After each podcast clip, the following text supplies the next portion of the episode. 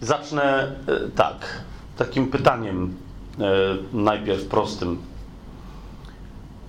Jak sobie wyobrażasz przebudzenie? Wyobraź sobie, że mamy naj, największy, że powiem taką rzecz, tak, że w przyszłym roku, w maju, zaczniemy doświadczać największego przebudzenia, jaki ten kraj widział. Największego przebudzenia chrześcijańskiego, jakie ten kraj widział, które się zacznie i już nigdy się nie skończy. Amen. Znaczy, to nie jest jakoś bardzo długo, bo raczej jesteśmy w końcówce i Pan Jezus, ja nie wiem, może, może jeszcze 20 lat mamy, ale to jest jakiś maks z mojego punktu widzenia. Pewnie mniej. Ale jak mówię, że zacznie się to przebudzenie, to co sobie wyobrażasz? W wielu miejscach przez ostatnie dwa lata e, pytałem ludzi, zwłaszcza, że w wielu miejscach ludzie też do mnie przychodzili i mówili, Fabian, coś gadasz o jakimś przebudzeniu?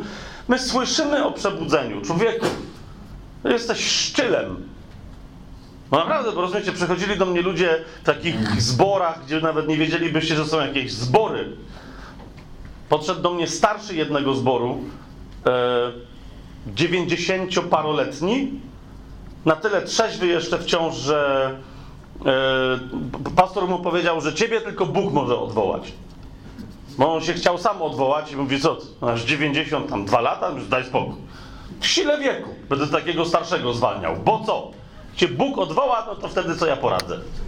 I teraz ten starszy do mnie podchodzi i mi tłumaczy, mówi Fabian, no wszystko elegancko, tylko że ja słyszę od końca 80 lat o tym wielkim przebudzeniu w Polsce. I zaczynam trochę mieć dosyć. Mam ogromny szacunek do, do w ogóle starszych ludzi, zwłaszcza w wierze, więc nie chciałem go pouczać, ale, no ale trochę go zapytałem, ale w sensie, co widzisz, a czego nie widzisz, bracie. Eee, no i on się między innymi podzielił, co on sobie wyobraża, że powinno mieć miejsce, czego powinien zacząć doświadczać, co powinien zacząć widzieć, kiedy będzie przebudzenie. I teraz moje pytanie do ciebie jest: czego oczekujesz, czego pragnie twoje serce? Co sądzisz, że się wydarzy? Jak rozmawiam z młodymi ludźmi, oni zasadniczo bardzo często mają jakąś taką e, wizję, że będą w internecie filmiki z wydarzeń typu Jezus na stadionie. Tylko, że to będą wszędzie te wydarzenia. Że na ulicy będą ludzie biegać z flagami typu Jezus żyje i tam. Aaa! Rozumiecie, że nie wiem, że, że kibole przyjadą na ustawkę i się zaczną modlić. I policja, która przyjedzie, jarając się, że ha, mamy chuliganów, zacznie się z nimi modlić, bo rozumiecie, jakieś. Że, a, i, I oni tam będą trzymać się za ręce i tańczyć na jakiejś polanie, coś takiego. I że, że będą takie filmiki w internecie. Że może nawet. Hu, może nawet telewizja publiczna i prywatna będzie pokazywać jakiej w ogóle, że w wiadomościach będzie informacja, że. Yy, po informacjach o tym, że były jakieś wypadki, że doszło do 68 wskrzeszeń, także liczba ofiar się zmieniła po tragicznym weekendzie. To jakieś takie rzeczy. To wiecie, że o, chrześcijanie coś robią. Wow!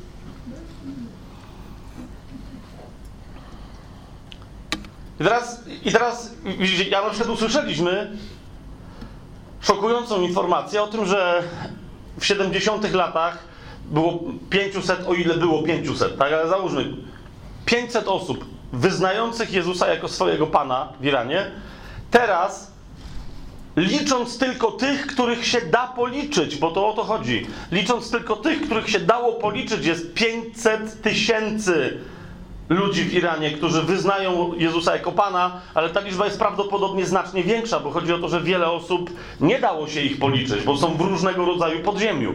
Więc tam może być milion chrześcijan w Iranie, kto z Was widział wiadomości na ten temat? Kto z Was widział filmik w internecie na ten temat?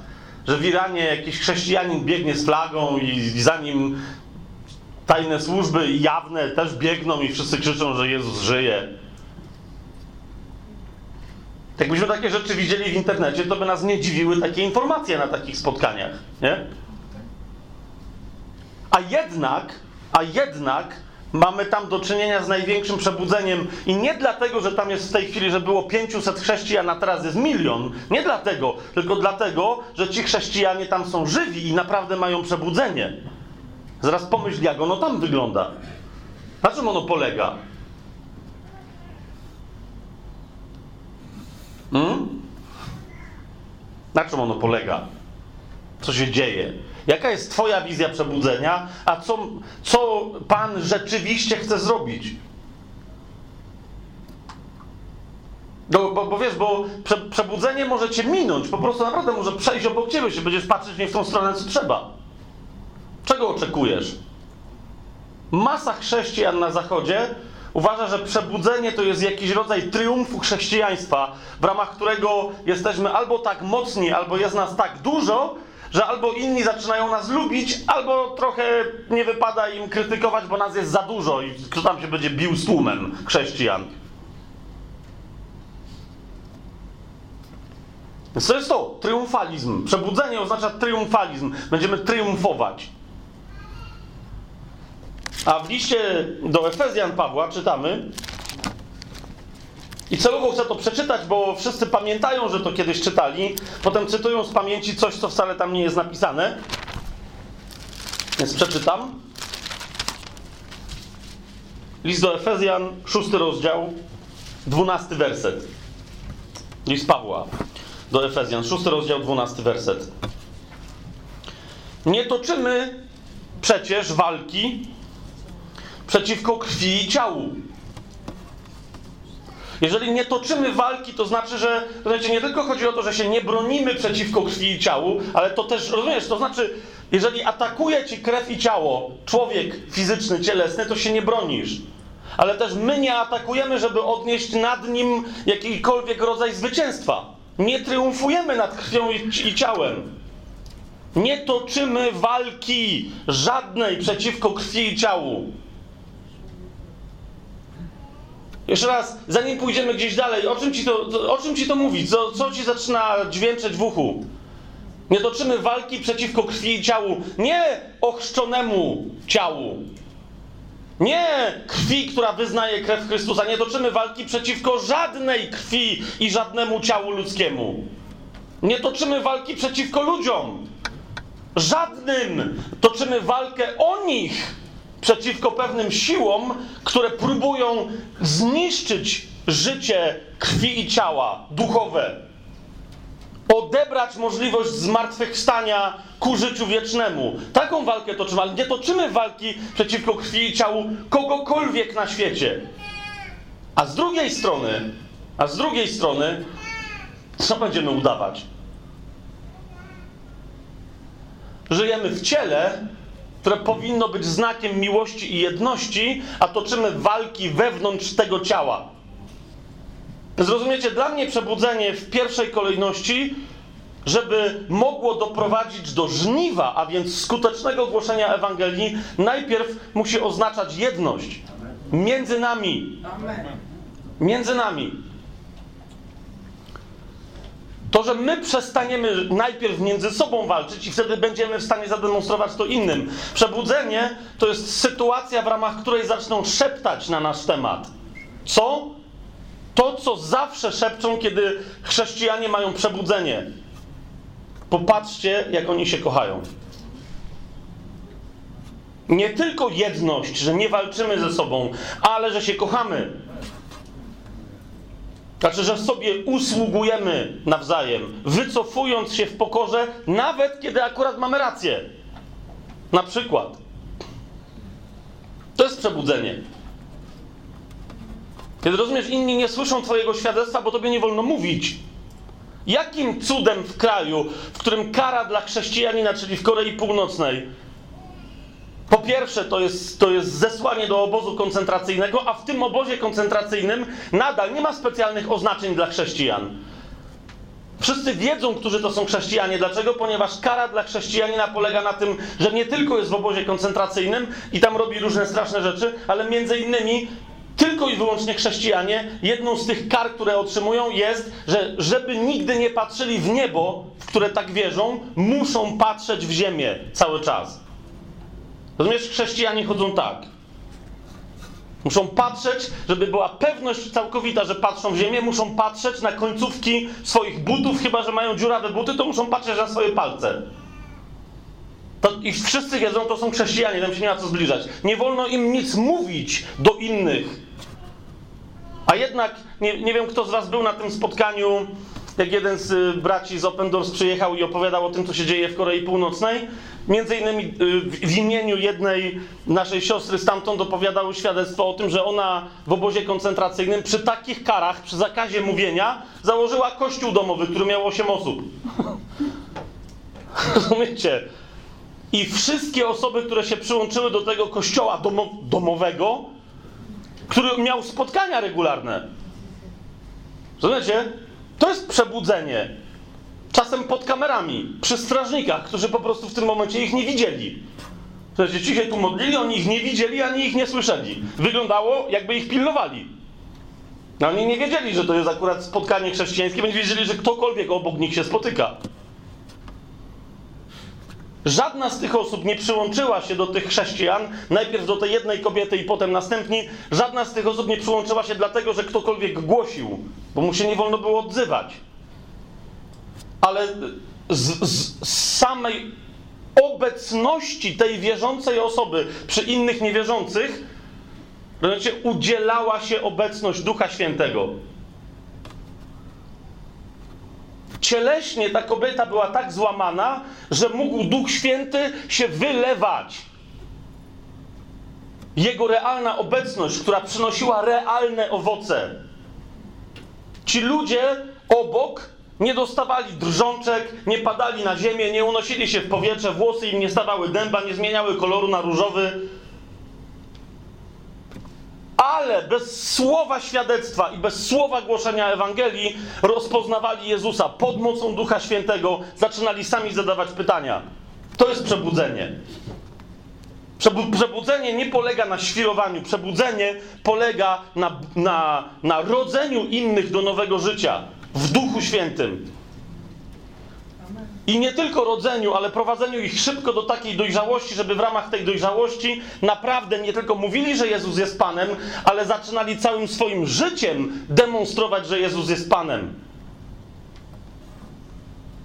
A na czym to polega? Jeszcze raz, wracamy. Na tym, że mamy jedność z braćmi i siostrami i na tym, że mamy miłość nawet do naszych najgorszych wrogów. I kiedy oni nas próbują zabić, to my nie tylko ich błogosławimy, nie tylko im błogosławimy, ale jeszcze czynimy im dobrze, bo Pan Jezus tak powiedział w kazaniu na górze chociażby. Nie toczymy bowiem walki przeciw krwi i ciału, ale przeciwko zwierzchnościom, przeciw władzom, przeciw rządcom ciemności tego świata, przeciw duchowemu złu na wyżynach niebieskich. Gdzie toczymy tę walkę? Nie toczymy jej na ziemi. Przebudzenie to jest świadomość, która wreszcie wyprowadza chrześcijan na wyżyny niebieskie, z których perspektywy zaczynają walczyć. Ponieważ my toczymy, niektórzy mówią, że bo, ale to te zwierzchności są na wyżynach niebieskich. E, jeszcze raz, ktokolwiek zna Grekę widzi wyraźnie, że nie, gramatyka wskazuje, że tak, zwierzchności tam też się zapędzają, ale przede wszystkim walka toczy się na wyżynach niebieskich. I my walczymy z perspektywy wyżyn niebieskich. Z jakiej innej perspektywy, perspektywy mamy walczyć, jeżeli duchowo już znajdujemy się w Chrystusie po prawicy Ojca? Z jakiej innej perspektywy mamy walczyć? Przebudzenie jest dlatego między innymi demonstracją skutecznej walki o duszę innych ludzi, ponieważ mamy świadomość właściwej perspektywy. Nie tylko o niej wiemy, tylko naprawdę ją mamy. Naprawdę ją mamy. Przebudzenie oznacza, że kiedy ktoś powie chrześcijaninowi: O, zobacz, demon, to chrześcijanin będzie się rozglądać w ten sposób. Gdzie? Dziś chrześcijanie na, na hasło demony robią. W jakiej perspektywie się znajdujesz? Teraz nie chodzi mi o to, że koniecznie fizycznie tak robią, ale w środku siebie tak robią. Demony są wszędzie dookoła. A powinny być nieustannie poniżej poziomu podeszwy w Twoich butach. Tak, jeszcze cały czas ten świat znajduje się w wielu miejscach w stanie kompletnego mroku, ale to tylko dlatego, że nam się nie chce świecić. My reprezentujemy światłość, jak mówi list do Filipian, która jest tą samą światłością, którą przyniósł na ziemię Chrystus i którą jest Chrystus. Chrystus powiedział: Ja jestem światłością świata, a potem co powiedział? Wy jesteście światłością świata. Tą światłością, która w ciemności świeci i ciemność jej nie może ogarnąć. Bo nie może. Zanim pójdziemy dalej, przeczytam Wam. Słuchałem ostatnio 17 razy e, wstępu do nauczania jednego z nauczycieli iHope'u, ale nie Mike'a Bickla, tylko jakiegoś tam młodego, świetnego nauczyciela. E, I słuchałem 17 razy tylko i wyłącznie pierwszych 45 zdań, mniej więcej. E, I nie poszedłem za, nigdy dalej, bo za każdym razem e, opowiadał o jednej rzeczy, którą się teraz chcę z wami podzielić i za każdym razem Duch Święty mi tyle mm, refleksji narzucał, że w ogóle nie wysłuchałem żadnego jego, jego nauczania, tylko cały czas tych paru minut tego jednego, jedynego i nawet nie wiem jak się chłop nazywa. Taki hipster z brodą, fajny gość, świetnie mówi. Lepiej niż Mike. Ale nie wiem co, bo tylko jednej rzeczy się od niego na razie nauczyłem. Mianowicie podzielił się z wszystkimi tam obecnymi czymś, co nazwał. Rzeczywiście, pamiętam, jak kiedyś się zajmowałem reklamą, to widziałem tego przykład, ale nie zwróciłem na to uwagi. E, jednego z najlepszych, jeżeli nie najlepszego ogłoszenia prasowego wszechczasów, które nawet przez profesjonalistów jest uznawane za absolutnie sensację. W sensie to, co było sprzedawane w tym ogłoszeniu i reakcja na to, jak było sprzedawane to, co było sprzedawane, jest zupełnie do dzisiaj dla wielu szokująca.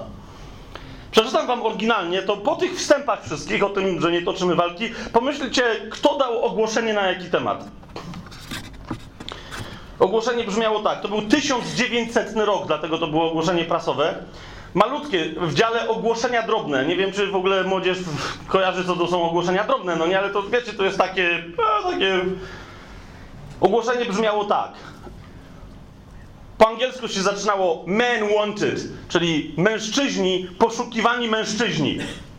I teraz posłuchajcie. Poszukiwani mężczyźni do niebezpiecznej podróży, niskie wynagrodzenie, doskwierające zimno, długie miesiące kompletnej ciemności, nieustające zagrożenie, bezpieczny powrót wątpliwy Cześć i uznanie na wypadek wszakże sukcesu. Podpisał się Ernest Shackleton i podał swój adres. Jeszcze raz przeczytam. Poszukiwanie mężczyźni do niebezpiecznej podróży. Niskie wynagrodzenie. Tam było dosłownie po angielsku small wages.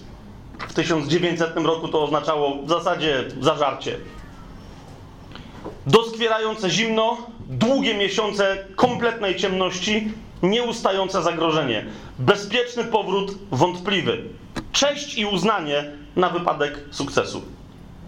Gdyby jakimś cudem się nam udało wrócić. Ernest Shackleton. Ci z Was, którzy wiedzą, kto to był Ernest Shackleton, wiedzą o co chodzi. Ale całej reszcie tłumaczę, to był podróżnik, który organizował sławetne na początku XX wieku podróże na biegun południowy. Nie, y, nie tylko, nie tylko. Ernest Shackleton y, po, po jednym z tych swoich ogłoszeń wziął ze sobą fantastyczną ekipę 28 mężczyzn. Domyślacie się, w jakim musieli być stanie skoro się podjarali niebezpieczną podróżą, niskim wynagrodzeniem, zasadniczo wątpliwym powrotem i tak dalej, i tak ciemnościami trwającymi, płynęli e, małym stateczkiem, który się nazywał Wytrwałość. Autentyczne wydarzenie, Endurance. 160 mil przed w ogóle lądolodem e, kraj jakaś ich zatrzymała, potem statek zamarzł w wodzie i zaczął tak zamarzać, że się zasadniczo połamał cały. Więc doszli na koniec kryje, ciągnąc za sobą tylko szalupy ratunkowe. Potem się okazało, że na tych szalupach chyba 160 mil musieli upłynąć, żeby dopłynąć do jakiegoś brzegu. Tam dopłynęli ledwo żywi i wtedy Shackleton stwierdził, że hej, jestem odpowiedzialny za tych ludzi, muszę ich ratować. Skąd ratunek w 1900, to był wtedy 1914 rok, skąd ratunek? 1200 mil stąd, 1200 mil stąd znajduje się port, skąd może przyjść ratunek. Więc wziął jedną szalupę ratunkową z wiosłami, obczajacie to? I popłynął z pięcioma ludźmi. Zasadniczo sam wiosłując, bo oni wszyscy byli chorzy. I przepłynęli te 1200 mil. Jak dopłynęli na miejsce, to wszyscy, którzy z nim byli zasadniczo, byli tak chorzy, że się nie mogli ruszać. I on jeszcze przeszedł, żeby ratować swoich ludzi przez góry. W 36-ostatecznym sprincie, 36-godzinnym, dotarł do miejsca, w którym poinformował, gdzie są jego ludzie i wszystkich uratował. Ale nie dotarli do żadnego bieguna. Nigdzie. Nie wiem, czy Shackleton był wierzący. Chodzi mi tylko o to. Rozumiecie? On, miał tylko, on był tylko podjarany jedną myślą, że, żeby się dostać na biegun. W zimie. Bo uznawał, że to jest zarobisty pomysł. Po ciemku. Wielokrotnie był już niedługo prawie przy biegunie i nagle się orientował, że nie ma jedzenia. I wtedy ktoś go przekonywał, że może jednak byśmy wrócili. Bo jak dojdziemy, to już tam na pewno umrzemy. No i on czasem się dawał przekonywać, tak czy inaczej. Rozumiecie? Wytrwałość, pasja i jedna prosta wizja. Cześć i uznanie na wypadek sukcesu w ramach kogo? Wobec jakich ludzi? Członków Królewskiej Akademii Podróżniczej czy Towarzystwa Odkrywców? 17? Sensacja w gazetach? Kobiety tłumaczące swoim mężom, czasem nie czytaj o Shackletonie. Czasem nie odbyło coś. Ostatnio się nudzisz w domu. Wiecie, to ja jak pierwszy raz usłyszałem to, w tym kontekście, na początku chrześcijańskiego nauczania, myślałem, że to ktoś w ten sposób ewangelizację ogłaszał. Nie wiem, czy rozumiecie, o co mi chodzi. Że to jest jakieś chrześcijańskie ogłoszenie. Znaczy nie, po prostu. Znalazło się prawie 30 chłopów, którzy odpowiedzieli na coś takiego. Ogłoszenie drobne. Rok temu, we wrześniu, na początku września, mówiłem o naszym indywidualnym, osobistym zaangażowaniu. Jeżeli chcemy zobaczyć przebudzenie, że potrzebujemy wejść osobiście zaangażowani. Znaczy, mamy, mamy, jest odmalowany przed naszymi oczyma, jak, jak mówi Słowo Boże, jest odmalowany przed naszymi oczyma nie tylko obraz naszego Pana Chrystusa, Jego chwały, ale naszej, naszego przebywania w Jego chwale wraz z Nim. Nie tylko mamy odmalowany obraz tysiącletniego i wiecznego królestwa, ale też odmalowany smak tajemnicy, jak bardzo nie da się tego odmalować, czego staniemy się nie tylko świadkami, ale w czym będziemy mieli udział. Mamy to odmalowane. My, nasze ogłoszenie nie brzmiałoby bezpieczny powrót wątpliwy. Mamy bezpieczny powrót pewny. Dlaczego? We are saved, powiedziałby Mr. Shackleton. Jesteśmy zbawieni, jesteśmy zachowani, więc jesteśmy bezpieczni. Po prostu. Cześć i uznanie na wypadek sukcesu. Sukces został odniesiony przez naszego Pana, przez naszego Zbawiciela Jezusa Chrystusa, w którym my tego sukcesu możemy doświadczać nieustająco. Jeżeli ktoś z Was mi nie wierzy z jakiegoś powodu, że Pan Jezus jest fundamentalnym, jedynym wzorcem tego, czym jest sukces, to otwórzcie razem ze mną 52 rozdział Ewangelii według Izajasza.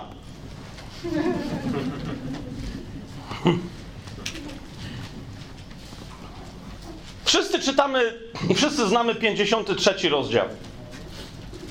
Dlaczego? Bo mamy tam pieśń sługi pańskiego, zgnębionego za nasze grzechy, w którego ranach jest nasze zdrowie, a, ale widzę często i gęsto, że ludzie nie, nie zauważają, że, że ta opowieść o, o wiernym słudze Jahwe nie zaczyna się w 53 rozdziale, tylko w 52 właśnie. Od jakiego stwierdzenia? Jahwe pokazuje swojego sługę, swojego syna, naszego Pana Jezusa i mówi o nim, to jest 52 rozdział, 13 werset, mówi o nim, spójrzcie, oto człowiek sukcesu. Powiada, oto się szczęśliwie powiedzy, powiedzie mojemu słudze. Będzie on wywyższony, wyniesiony i wielce uwielbiony. A więc to też masz zapowiedź, oto przedstawię Ci historię sukcesu. Pokażę Ci, jak wygląda człowiek sukcesu w moich oczach. I mamy zaraz następny werset. Jak wielu przeraziło się z jego powodu, że zeszpecono jego wygląd bardziej niż to się przydarzyło jakiemukolwiek innemu człowiekowi, a jego postać została zdeformowana bardziej niż kiedykolwiek jakikolwiek inny syn człowieczy tego doświadczył. I my wtedy powinniśmy mieć reakcję wciąż, jako wierzący chrześcijanie, nie cukierkowi, ale realiści w wierze, powinniśmy mieć reakcję szokującą, co, co, co się dzieje. Wiemy, że on został tak oszpecony, ale chodzi o ten wstęp. Oto się szczęśliwie powiedzie mojemu słudze. W 15 wersecie Izajasz mówi: Tak też pokropi wiele narodów. Królowie zamkną przed nim swoje usta. Dlaczego? Bo ujrzą coś, czego im nigdy nie powiedziano. I zrozumieją to, o czym nigdy do tej pory nie słyszeli. Że sukces to jest coś zupełnie innego, niż do tej pory uczył ich Babilon. Niż do tej pory uczyła ich Akadia, niż do tej pory uczył ich Egipt. To jest coś zupełnie innego. Sukces polega na oczach wpatrzonych w życie, którym jest Bóg, który jest jeden, i takie otwarcie siebie, żeby zrodzić do życia innych. Bo cały 53 rozdział, jak się mu dobrze przyjrzycie, jest rozdziałem tak opisującym Jezusa na krzyżu. Przed krzyżem w ogrójcu Jezusa torturowanego, poniżanego, oplutego, ubiczowanego, ukrzyżowanego, ale cały ten opis, przyjrzyjcie mu się uważnie, jest opisem porodu. Poród musi być bolesny, ale jak Paweł później powie, mówi, matka jak rodzi, to myśli, że umiera. Ale jak urodzi, to nie pamięta bólu swojego rodzenia, bo oto ma dziecko. W 53 rozdziale, w 11 wersecie czytamy: Z udręki swojej duszy ujrzy owoc i się nasyci. Kto? Jezus. Mój sprawiedliwy sługa swoim poznaniem usprawiedliwi wielu, bo sam poniesie ich nieprawości. Dlatego dam mu udział wśród wielkich, aby się dzielił zdobyczami z mocarzami, ponieważ wylał swoją duszę na śmierć. Został zaliczony do przestępców, sam poniósł grzech wielu i wstawił się za przestępcami. Dziesiąty werset wyraźnie nam podkreśla, że to jest poród. Spodobało się Panu zetrzeć go i zgnębić, a po złożeniu swojej duszy na ofiarę za grzech ujrzy swoje potomstwo. To jest to. To, to, to jest to dzielenie się z mocarzami. Ujrzy swoje potomstwo, przedłuży swoje dni i to, co się podoba Jachwę, przez jego rękę szczęśliwie się spełni. Rozumiesz? Kto jest człowiekiem sukcesu? Dlaczego w 13 wersecie 52 rozdziału Jachwę mówi: Oto się szczęśliwie powiedzie mojemu słudze, ponieważ jego słudze uda się zrobić to, co umysł pański zamierzył, a jego ręka chciała wykonać. Człowiek sukcesu to jest człowiek, który pozwala Bogu zadziałać przez siebie. Amen? To jest to, to jest, to, i na tym polega sukces. Dlatego mu się szczęśliwie powiodło. Czemu? Ponieważ wszystko się sprzeciwiało włącznie z jego ciałem w doświadczeniu straszliwej tortury i bólu. Wszystko się sprzeciwiało temu, żeby mu się udało, ale jemu się udało. Mocą ducha, którym przezwyciężył ciało. Mocą ducha, w którym swoją duszę złożył w ofierze, jak Izajasz powiada. I dlatego urodził wielu. I dlatego o nas Jezus mówi: To jest moje potomstwo.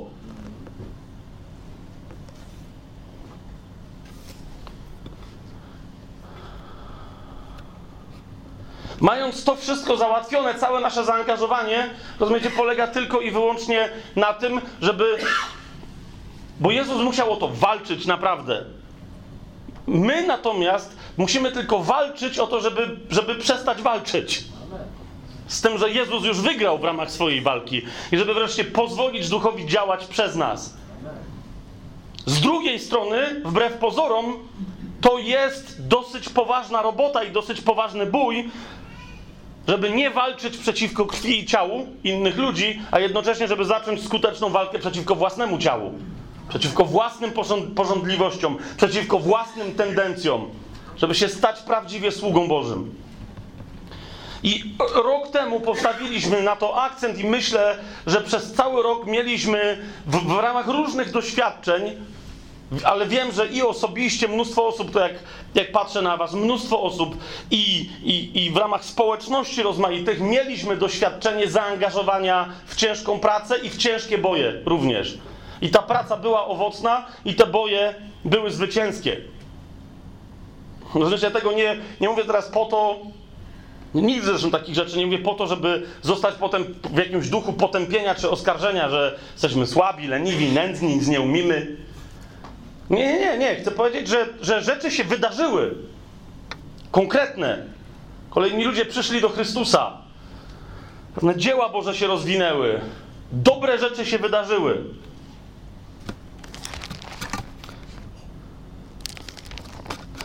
Ale nadal, na, nadal, mimo że się te rzeczy działy i, i bardzo się cieszyłem, miałem pytanie w duchu, które Bogu zadawałem.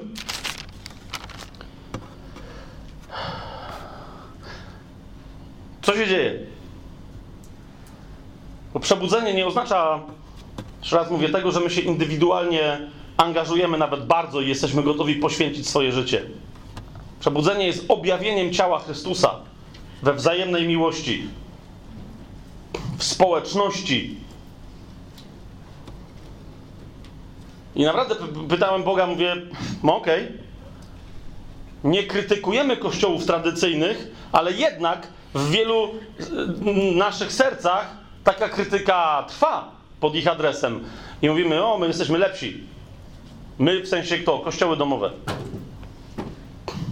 A, a już sam, sama taka myśl, sama taka zadra jest świadectwem tego, że toczymy walkę przeciw krwi i ciału i to w ramach świętego ciała Chrystusa. Wielokrotnie sam mówiłem, że jak pójdziemy inną drogą i odetniemy się od tamtych, pójdziemy tą drogą, to, to, to tu się zaczną dziać rzeczy. Ludzie zaczną więcej pracować, więcej walczyć, więcej się modlić. I tak, wiele osób tak zrobiło. Ale jednocześnie, jak patrzymy po owocach, nadal ci, którzy pracują w ramach kościołów domowych, mają dokładnie to samo pytanie, jak ci, którzy pracują w ramach kościołów tradycyjnych. Czemu wszyscy nie pracują? Czemu wszyscy nie są zaangażowani? Czemu wszyscy nie służą? Nie chodzi o to, żeby służyli i pracowali, byli zaangażowani tak samo. Ale ci, którzy się śmieją, że tam, gdzie chodzą do kościołów tradycyjnych, to są kościoły ławeczkowe, niestety przychodzą potem do domów i mają kościoły sofowe. I teraz w sensie zasługi, nie żebym, wiecie, miał taką koncepcję, ale jakby była, to już lepiej siedzieć na twardej ławce w zborze. Jakimś tradycyjnym. Założyć chustkę na głowę i tak Rozumiesz, o co idzie? I tam nie móc się doczekać. Ktoś mi ostatnio przysłał y, takiego mema i niechcący musiałem się zaśmiać, y, bo to było pod moim adresem, ale myślę, okej. Okay. Tam był, wiecie, taki, taki, taka klasyczna twarz Jasia Fasoli, taka. Mm, nie umiem tego nawet zrobić za bardzo, no nie? I był podpis Spojrzenie, które wysyłasz swojemu pastorowi, który 45 minut temu powiedział, że będzie kończyć. No coś takiego. Teraz się śmiejecie, ale to e, umówmy się, no nie? Ja wiem, kogo widzę, jak są spotkania tajemnego planu. Robimy wprowadzenie 45 minut, potem jak gadam 3,5 godziny, a potem jeszcze. I rozumiecie, ostatnie sezony były. E, mieliśmy spotkania na żywo i nagrania w podstawówce, na krzesełkach dla małych dzieci. To teraz pomyśli, jaka tam jest zasługa. I ktoś na tym siedzi na takim moim wykładzie. Już mu się nawet tego luka mi nie chce wysłać, tylko okej. Okay. Jest jasne, jak Fabian powiedział, że będzie kończył, znaczy, że będzie kończył wstęp do pierwszej części. Więc, więc mamy cały czas taką przepychankę. O, kościoły ławkowe, a tu kościoły sofowe, albo wręcz dywanowe. Jak jest bardziej hipsterskie, jest w ogóle jest, rozumiecie, spodłogowo-poduszkowy. Jest wolność. W takim tradycyjnym zborze, rozumiesz, ci ludzie siedzą się nie mogą doczekać na przerwę. Znaczy przerwę na koniec i na kawę. Tutaj, jak ktoś przedłuża świadectwo, zawsze możesz pójść do kuchni, przeszkadzać mu, włączyć ekspres, uruchomić czajnik, zalać sobie herbatę. Jest kościół domowy. He, jest wolność. Okej, okay, niektórzy na mnie patrzą. Miało nie być ducha potępienia.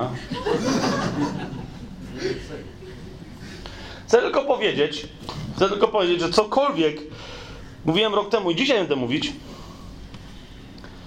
e, ma być pobudzeniem do refleksji mojej i twojej na mój temat, mojej na mój temat, a twojej na twój temat. A nie mojej na twój temat, albo twojej na czyjś temat. Jasne to jest? Więc pomyśl. Mamy cały czas Kościół, o którym bym powiedział, że jednak w dużej mierze jest kościołem siedzącym i na coś czekającym. Ci ludzie, którzy mi powie, akurat ten starszy, którego mam na myśli, genialny starszy, on w ciągu trzech minut, ha, trzech minut, jednej minuty złapał o co mi chodzi. Ale, bo on przyszedł naprawdę zapytać, czy ja wierzę w przebudzenie. Ale inni ludzie przychodzą do mnie z pretensją, że ja w ogóle o nim gadam, bo oni niby się pytają, ale oni wiedzą, co mi chcą powiedzieć. Tylko się pytają, żeby mnie podpuścić. Widzicie, temu, temu starszemu odpowiedziałem myślą, którą, który, którą usłyszałem sam przy swojej pewnej wątpliwości od Majka Bikla. On powiedział ciekawą bardzo rzecz. Mówi, modlitwę zawsze liczy się odpowiednim dla niej czasem. Na przykład Tymek z Weroniką modlili się kilkanaście sekund, w trakcie których wywarli taki nacisk na inną proroczą osobę w innym miejscu, która do nich napisała: e, Hej, co z Joyce? To tego typu modlitwy, które są modlitwami proroczymi, modlitwami znaku, one są liczone w sekundach. Podobnie jak modlitwy o uzdrowienie. ok? Modlitwy, w ramach których wyrzucamy złe duchy. Jeżeli masz tę perspektywę, że to są modlitwy, które powinny być liczone w sekundach, góra w minutach, to sobie nie pozwolisz na bawienie się z demonem, który męczy osobę, która ma być uwolniona, żeby się za nią modlić godzinami. To, ale to nie, nie, nie, bo teraz nie chodzi mi o to, żebym kogoś krytykował, rozumiecie, bo tylko zaczyna się od tej perspektywy, potem jest jeszcze parę innych, wiecie, parę innych warunków, które trzeba spełnić, żeby ta modlitwa była krótka. Ale jeszcze raz, gorzej jest, jak ktoś ma taką perspektywę, że no nie, to jest egzorcyzm, to musi trwać długo. Chłopie, nawet horror hollywoodzki trwa tylko dwie godziny. A tam jest cała historia, nie jest tylko egzorcyzm. Więc takie modlitwy znaku są modlitwami sekundowymi. Mamy inne modlitwy wstawiennicze o, o, o, życie ludzi, o zmianę, o przełom. I to są modlitwy, które mogą trwać liczone w godzinach albo liczone w dniach. Są inne modlitwy, kiedy się wstawiamy Dobra, nie będę, wiecie o co mi chodzi. Są modlitwy, które są liczone w miesiącach. Mike Beagle powiedział, że jest jeden rodzaj modlitwy, która jest modlitwą liczoną w dekadach. Najmniejsza jednostka czasowa tej modlitwy to jest dekada, to znaczy 10 lat. I to jest modlitwa o przebudzenie. Jeżeli tu na tej sali są ludzie, a myślę, że jest parę takich osób, którzy słyszeli 10, 15, 20, 30 lat temu, amen, o przebudzeniu w Polsce, i, i przyszedł diabeł i zaczął zasiewać wątpliwość w swoim sercu, że no i kiedy to się. Rozumiesz? Jeżeli 30 lat temu zaczęła się mowa o przebudzeniu w Polsce, to znaczy być może, że 70 lat przed 91 rokiem, 70 lat wcześniej jacyś ludzie rozpoczęli modlitwę dekad o przebudzenie w Polsce. Rozumiesz? Pierwsza rzecz, która, która jest znakiem, że mamy przebudzenie, to jest nasza pokora, że my nie jesteśmy żadnymi gigantami, jeżeli mamy wziąć udział w przebudzeniu. My stoimy na ramionach gigantów, którzy nadal swoją modlitwą, w ramach której wiedzieli, że nie zobaczą skutków za swojego życia. My na ich ramionach stoimy. Wyobraź sobie, że ktoś mógł żyć 50 lat i 50 lat modlić się o przebudzenie w Polsce. I ono się zacznie w przyszłym roku w maju, a on umrze w kwietniu. Rozumiesz, że jestem przekonany, że taki gigant przed swoją śmiercią powie: Sługą nieużytecznym jestem. Dzięki Ci, Panie, że mogłem zrobić, co zrobiłem. Przepraszam, że nie wszystko. Więc, więc to, że mamy od jakiegoś czasu mowę i prorokowanie, i mnóstwo ludzi z całego świata przyjeżdża i mówi, będzie przebudzenie w tym kraju, dlatego tu jesteśmy. Pamiętaj, to, że oni zaczęli to mówić 30 40 lat temu, nie znaczy, że ono od razu miało przyjść. To, to jest tylko znak, że już trwała przez ileś dekad modlitwa, która rozpoczęła dekady proroctw. Ale, ale idzie czas. Ale idzie czas na przebudzenie. To przebudzenie oznacza, że indywidualnie, osobiście będziemy w stanie się zdecydować, żeby wreszcie Duch Święty mógł przez nas działać tak radykalnie, jak radykalnie zdecydowali się ludzie od Ernesta Shackletona. Stwierdzili niskie zarobki, próżna nadzieja jakiejkolwiek chwały, ciężka przygoda w kompletnym roku. Czego serce faceta mogłoby jeszcze chcieć? Dajesz! A tu chodzi o serce kobiety i o serce mężczyzny. I ten ostatni rok myślę, że, że, że, że, był dla nas dokładnie takim doświadczeniem. Ale dzisiaj chcę w świecie duchowym ogłosić zupełnie jeszcze jedna, następny krok i nową rzecz. W sensie świadomości pewnej w naszej głowie. Przeczytam wam, dzisiaj mam, dzisiaj mam tu całe materiały ze sobą. Ostatnio brat jak powiem e, imię i nazwisko, to i tak nie będziecie wiedzieli kto, więc powiem brat Light, jest lepiej znany jako Light tutaj. E, na jednym z forów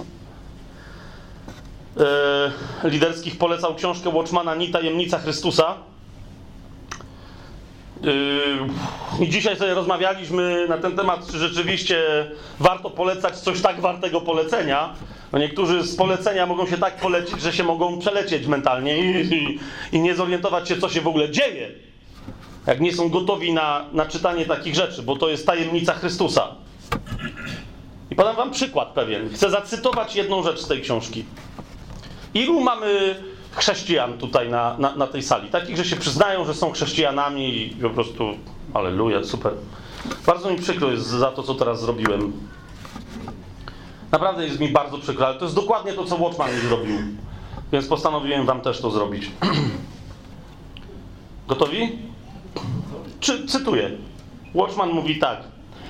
Nowy Testament, jeżeli już coś pokazuje, to przede wszystkim różnice między tym, co znaczy być członkiem, a co znaczy być chrześcijaninem. Być chrześcijaninem to coś indywidualistycznego. Natomiast być członkiem to coś zbiorowego. Być chrześcijaninem to coś, co człowiek robi dla siebie.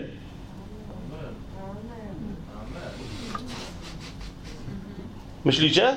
Być chrześcijaninem to coś, co człowiek robi dla siebie, natomiast być członkiem to coś, co się robi wyłącznie ze względu na ciało Chrystusa. W Biblii znaleźć można wiele pojęć o znaczeniu przeciwstawnym. Dalej cytuję Watchmana. Takich jak czystość i nieczystość, świętość i pospolitość, zwycięstwo i porażka, duch i ciało, Chrystus i szatan, królestwo i świat, albo też chwała i hańba. Wszystko to są przeciwieństwa, mówi Watchman. Amen? No to posłuchajcie teraz.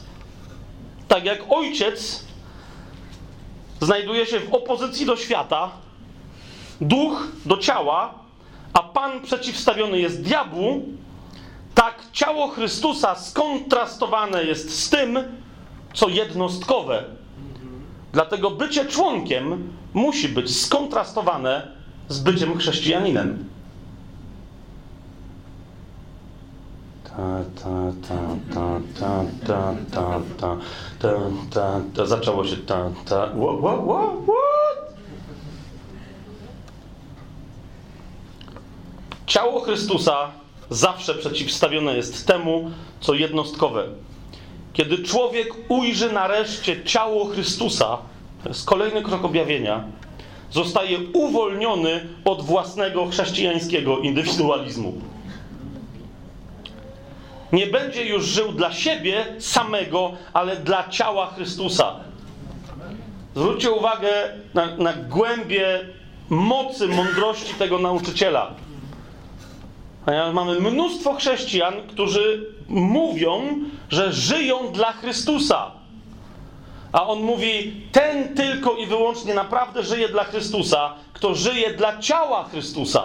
Bo głowa troszczy się o ciało. Jeżeli żyjesz dla Niego jako dla Pana, to co robisz? Natychmiast odwołujesz się do ciała. A kto jest ciałem? No, przed chwilą niektórzy podnieśli ręce. To jest to. Kiedy zostanę uwolniony od indywidualizmu, samorzutnie, dopiero w tym momencie znajdę się w ciele Chrystusa. Co my na to? Jeszcze raz powtórzę to pytanie. Nie co wy na to, nie zamierzam cwaniakować. Co my na to? Co my na to? Kiedy nie widzimy ciała Chrystusa, wtedy jesteśmy, właśnie dlatego jesteśmy podzieleni. Pamiętacie nauczanie Pawła, jak go nawet nie będę dzisiaj przypominać z pierwszego do Koryntian, że, że tylko oszalała ręka może mówić, że nie potrzebuje oka albo nogi, albo. No, Wiecie, ale to my to znamy, my tę poezję słyszeliśmy biblijną, wszystko gra. Ostatnio chyba z trzema osobami z różnych biznesów się spotkałem. Jedną wierzącą, niedawno nawróconą, ale dwoma niewierzącymi. I wyobraźcie sobie, że wszyscy niezależnie od siebie zadali mi pytanie, mówią, Fabian, wiesz jak działa biznes? A nawet ogromny, na przykład korporacje. Mówię, no wiem jak. I mówią, wiesz o co idzie, to, to są, to niekoniecznie, że to są złe organizacje, ale są złe. Tak czy inaczej, bo służą światu. I mówią, i rozumiesz, i jeżeli ktoś w oddziale w Hongkongu zaczyna atakować personalnie działania kogoś innego z oddziału w Brazylii, to go wywalą z roboty. A w ciele Chrystusa to przechodzi? W, w ciele Chrystusa, rozumiesz? Tu motywacją jest tylko, żeby nie stracić wypłaty i nie będziemy się kłócić. Będziemy źle o sobie myśleć i tak dalej, i tak dalej. Mówię, ale wy otwarcie kłapiecie na siebie paszczami. Otwarcie. Nie ma żadnej jedności. Nie tylko nie służycie innym, ale sobie nawzajem. Dzieła charytatywne chrześcijańskie, przestań. Jest mnóstwo fundacji charytatywnych niechrześcijańskich, które działają znacznie lepiej. Ja wiedziałem, jaka będzie odpowiedź, ale zapytałem czemu. A on mówi, no bo tamci się nie kłócą. Tak jak chrześcijanie. Jak przychodzi to do czego. Więc nie służycie tak naprawdę. Ciało Chrystusa nie widać żadnego wzrostu. Jest marazm i my to ze środka widzimy, że tak jest. Nie ma jedności pomiędzy nami. Wszyscy mówią, że każdy ma poznanie Chrystusa. Watchman, między innymi w tej swojej książce, mówi: Jeżeli wszyscy są podłączeni do tej samej głowy, to jakim cudem ta sama głowa mówi różne rzeczy różnym członkom? I takich cudów nie ma, bo to jest głowa, którą jest Chrystus. Więc Chrystus prawdopodobnie wszystkim mówi te same rzeczy, a więc ktoś musi się mylić w jakiś sposób.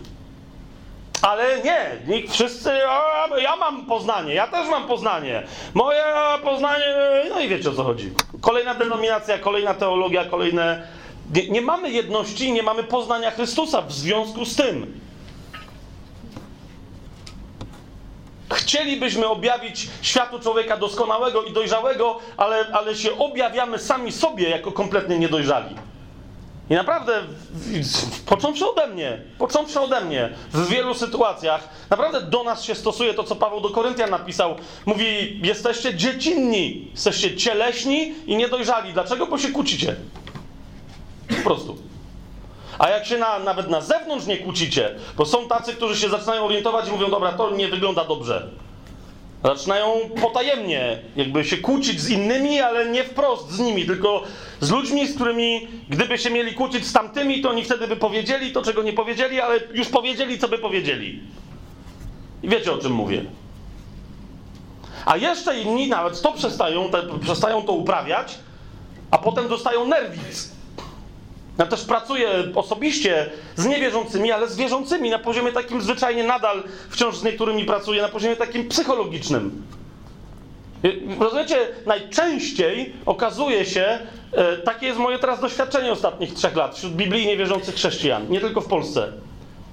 Problemy psychosomatyczne, jakieś problemy emocjonalne, one najczęściej wynikają z tego, że chrześcijanie łykają swoją agresję przeciwko innym chrześcijanom.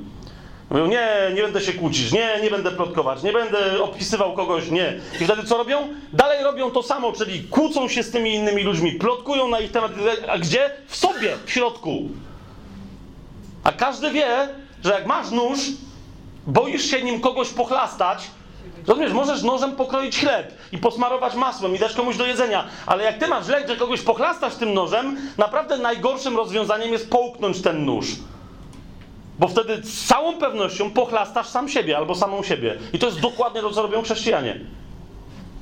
Tacy, którzy na zewnątrz mówią, my takich rzeczy nie robimy. Na zewnątrz.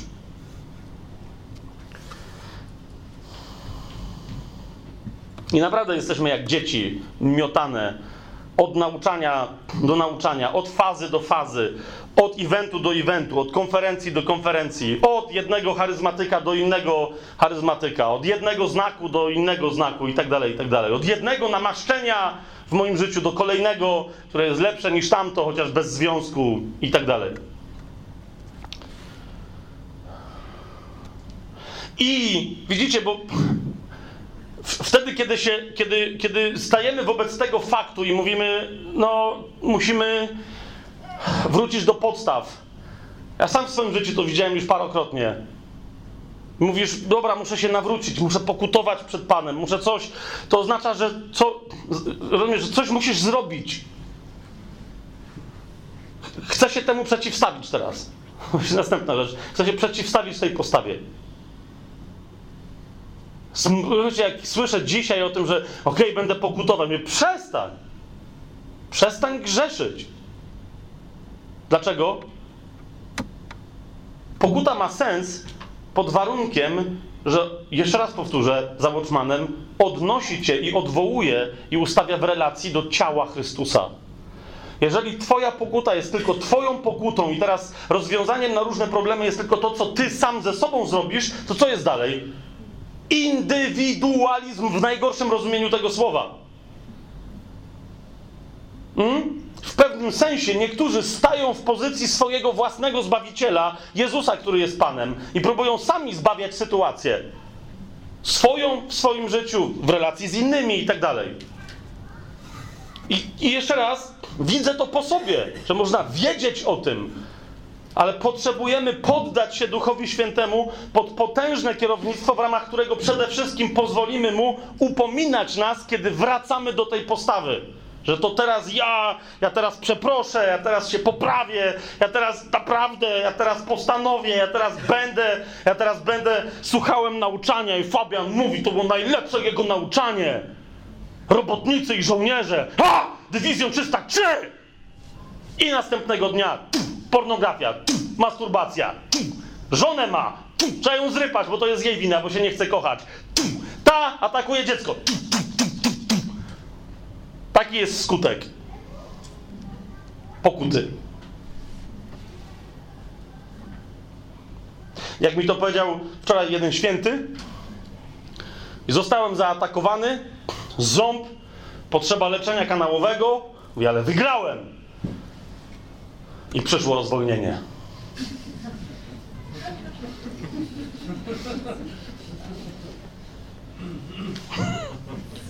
Takie było zwycięstwo. Ząb go nie złamał, ale to drugie z pewnych względów, nie musiałbym więcej szczegółów podać, z pewnych względów to go, to go złamało. I co? I no właśnie. Bardzo, bardzo łatwo od pokuty przejść do wnerwienia się na Boga. To ja się tak staram, a ty gdzie jesteś? Gdzie jest twoja moc? A gdzie jest Twoja tożsamość? Kim Ty jesteś? Gdzie jest Twoja tożsamość? Jeszcze raz się do Ciebie zapytam. Czym jest łaska? I teraz wiecie doskonale, że ja nie jestem żadnym głosicielem hiperłaski, ja jestem głosicielem super, hiper, duper łaski. Po, po, po prostu, która na czym, właśnie na tym polega. Nie na tym, że wszystko mi wolno, w związku z tym będę grzeszyć, będę, bo jestem pod łaską. Nie. Łaska, dokładnie, jej moc objawia się tam, gdzie ty już wiesz, że nie możesz i wreszcie sobie odpuszczasz. I naprawdę dajesz Panu. I teraz to jest jedna rzecz, ale widzisz, nadal nawet to, gdzie jest moja tożsamość, kim ja jestem w Chrystusie. W wielu miejscach zszokowałem yy, ludzi, którym wcześniej sam głosiłem, kim ty jesteś w Chrystusie. Potem mi powiedziałem, że jest ważniejsze pytanie od tego. Kim Chrystus jest w tobie? No i nagle było, ale to co, on nie wie? To jest druga strona medalu tożsamości. Kim ty jesteś w Chrystusie, ale kim Chrystus jest w tobie? Widzisz, żeby móc na to pytanie odpowiedzieć, musisz wiedzieć, jaki jesteś, jaka jesteś w odniesieniu do innych braci i sióstr. I to się tylko tam testuje, kim Chrystus jest w tobie. To się objawia tylko w tym, kim On chce być wobec innych braci i sióstr. Dlaczego? E, list Jana, nawet nie będę go otwierał, żeby cytować, dlatego że jak ktoś nie wie, gdzie to jest, to nie chce cały czas pierwszy list Jana czyta, aż, aż zapamięta na zawsze, że tam jest taki fragment, który mówi, że nikt nie może powiedzieć, że kocha Boga, jeżeli nie kocha człowieka. Dlaczego? Bo jak może kochać Boga, którego nie widać, kiedy nie kocha człowieka, którego widać? Proste. A zatem, kochani, nawet otwarcie się na tożsamość, nawet i tak dalej, dopóki jest cały czas moją pracą nade mną i moją pracą z Duchem Świętym, z Panem Jezusem w miłości Ojca, ale cały czas, która jest pracą skoncentrowaną na mnie, dlatego i tylko i wyłącznie dlatego mamy problem jako Kościół w Krakowie, jak Twój kościół, jako zgromadzenie, które się zbiera u kogoś w domu, jako kościół w Polsce, jako całe ciało Chrystusa wszędzie na ziemi, jesteśmy sparaliżowani. Czym? Dokładnie tym punktem widzenia, że wszystkie naj, najprawdziwsze prawdy, święte przepływy łaski i objawienia, które są w Słowie Bożym i z którymi Duch Święty do nas przychodzi, przyjmujemy jako objawienia pojedyncze dla mnie, nie dla nas.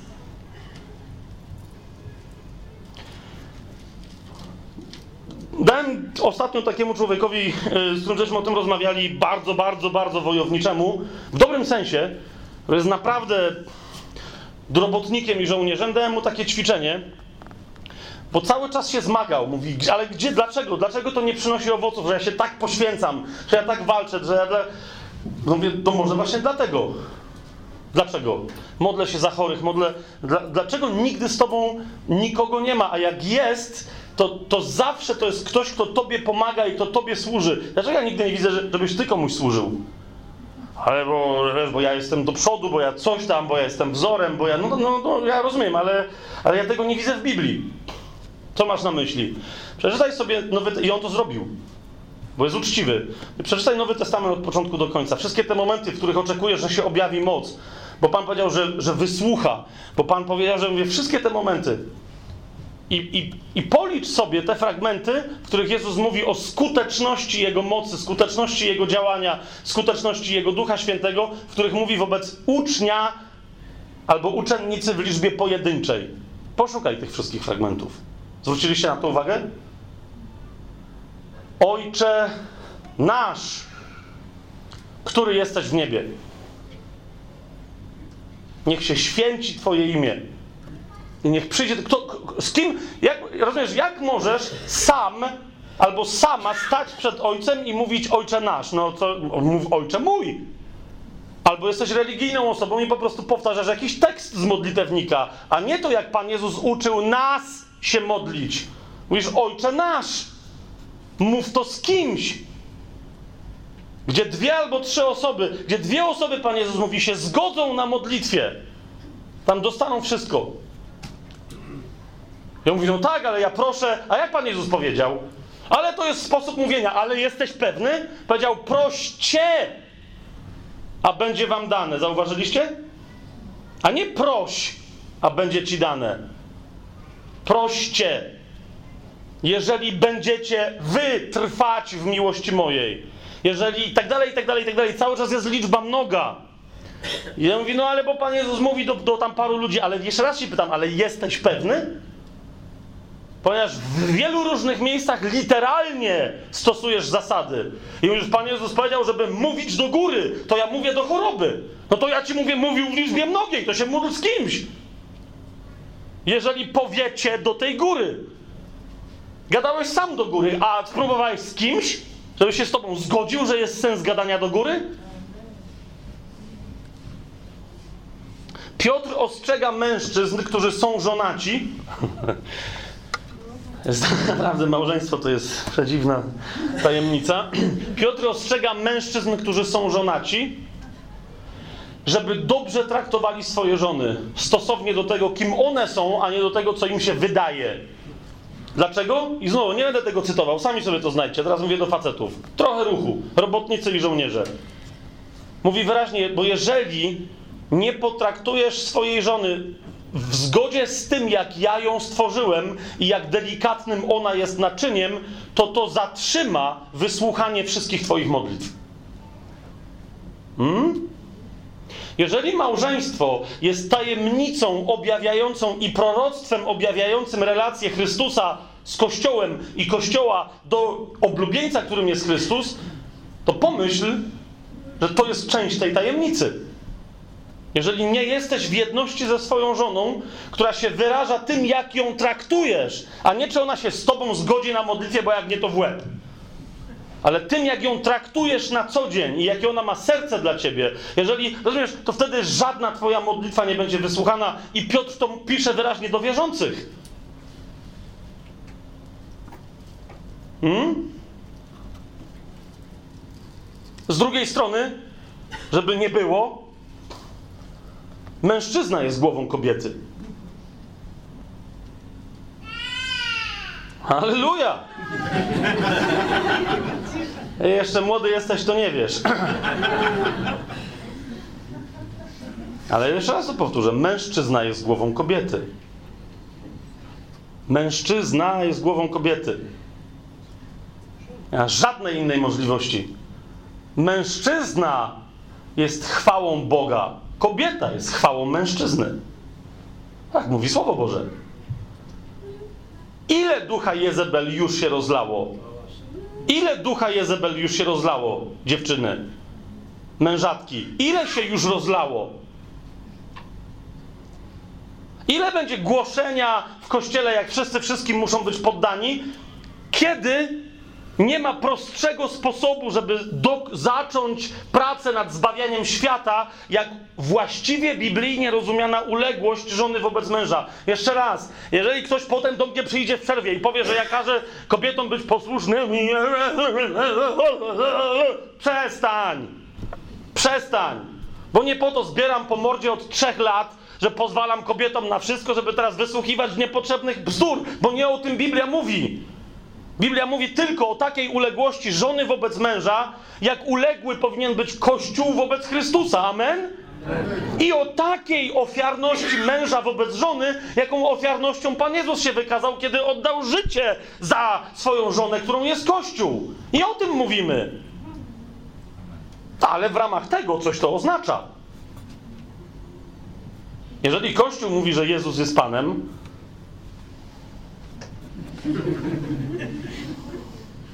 jeszcze raz, co się dzieje w Twoim sercu? Kapujesz? Ponieważ to, co ja teraz mówię o uległości żony wobec męża, jest najlepszą możliwą nowiną dla kobiety. Rozumiesz? Najlepszą. Tam jest tak dobra nowina zawarta, błogosławieństwa Bożego, że kobiety powinny chcieć jak najszybciej wyjść za mąż. Z powodu wielu różnych cudowności, które w związku z tym Pan im objawi i da w życiu. A zauważ, co się dzieje teraz po kościele. Wszędzie, teraz, tu, ale wszędzie na świecie. Co się dzieje? No ale tak, ale to trzeba, bo to... I masz nieszczęśliwe chrześcijanki, że już nie wspomnę, że nieszczęśliwe kobiety wszędzie. Skapucniałych chłopów, mężczyzn, chrześcijan. Nie, nie mówię o jakichś tam ludziach w świecie. Dlaczego? Bo my nawet w tego typu relacjach, które zaczynają się miłością na wzór miłości Chrystusa do Kościoła i Kościoła do Chrystusa, czyli w romantycznych relacjach, które zawiązują małżeństwo, nawet tam, nawet tam jesteśmy indywidualistami. Ja pamiętam, że jeszcze jako ksiądz katolicki kiedyś prawie, że zostałem, nie zostałem upomniany przez biskupa, że mszę źle odprawiam, ja zawsze źle odprawiałem, ale prawie, że zostałem upomniany, jak powiedziałem, że, że małżeństwo to nie jest miejsce, w którym się gra fair play. Że to, to stąd się zaczynają wszystkie rozwody. Rozumiecie, że tam się sprawa prawie o biskupa oparła, że o, Błaszkiewicz jakieś herezje głosi. Jak to? Jak, jak, gdzie jak nie w małżeństwie? Oczywiście, że nie. Jeżeli chcesz grać fair play w małżeństwie, to znaczy, że spodziewasz się, że dostaniesz to, co mniej więcej dajesz. Tyś mnie kopnęła, to ja cię kopnę. Ty mi dałaś coś, to ja ci też coś dam. To jest w miarę fair play. To jest fair play. Nie. Mał... Tylko te małżeństwa wygrywają, w których nawzajem mąż wobec żony, a żona wobec męża ma postawę, że zawsze da więcej niż weźmie. Dlaczego? Bo Pan Jezus powiedział, że więcej szczęścia jest w dawaniu, aniżeli w braniu. Rozumiesz? Masz szczęście, jakieś tam stronnie, ja jestem słaby z matematyki, musiałem jakieś równanie zrobić, gdzie akurat nie jest równaniem. Więcej szczęścia jest w dawaniu, aniżeli w braniu. A zauważ, jak wielu chrześcijan, nawet w relacji z Jezusem, chce brać, a nie dawać. Nie wierzysz mi? Przyjrzyj się sobie. Ile Twoich modlitw w ciągu ostatniego wczoraj, w ciągu, w ciągu wczoraj, piątku, w ciągu ostatniego tygodnia, w ciągu ostatniego miesiąca, ile modlitw było, Panie daj. A ile z Twojej strony było modlitw, w ramach których mówiłeś, Panie weź, to dla Ciebie. I przestańmy się kłócić. Jak mawia klasyk, przeproś mnie i nie kłóćmy się więcej. Na ten temat. Bo jeżeli jest tu ktoś z Was, kto miał w ciągu ostatniego miesiąca, i nie, jeszcze raz, ja nikogo nie od siebie zaczynam, to jest moja dzisiejsza zrana refleksja.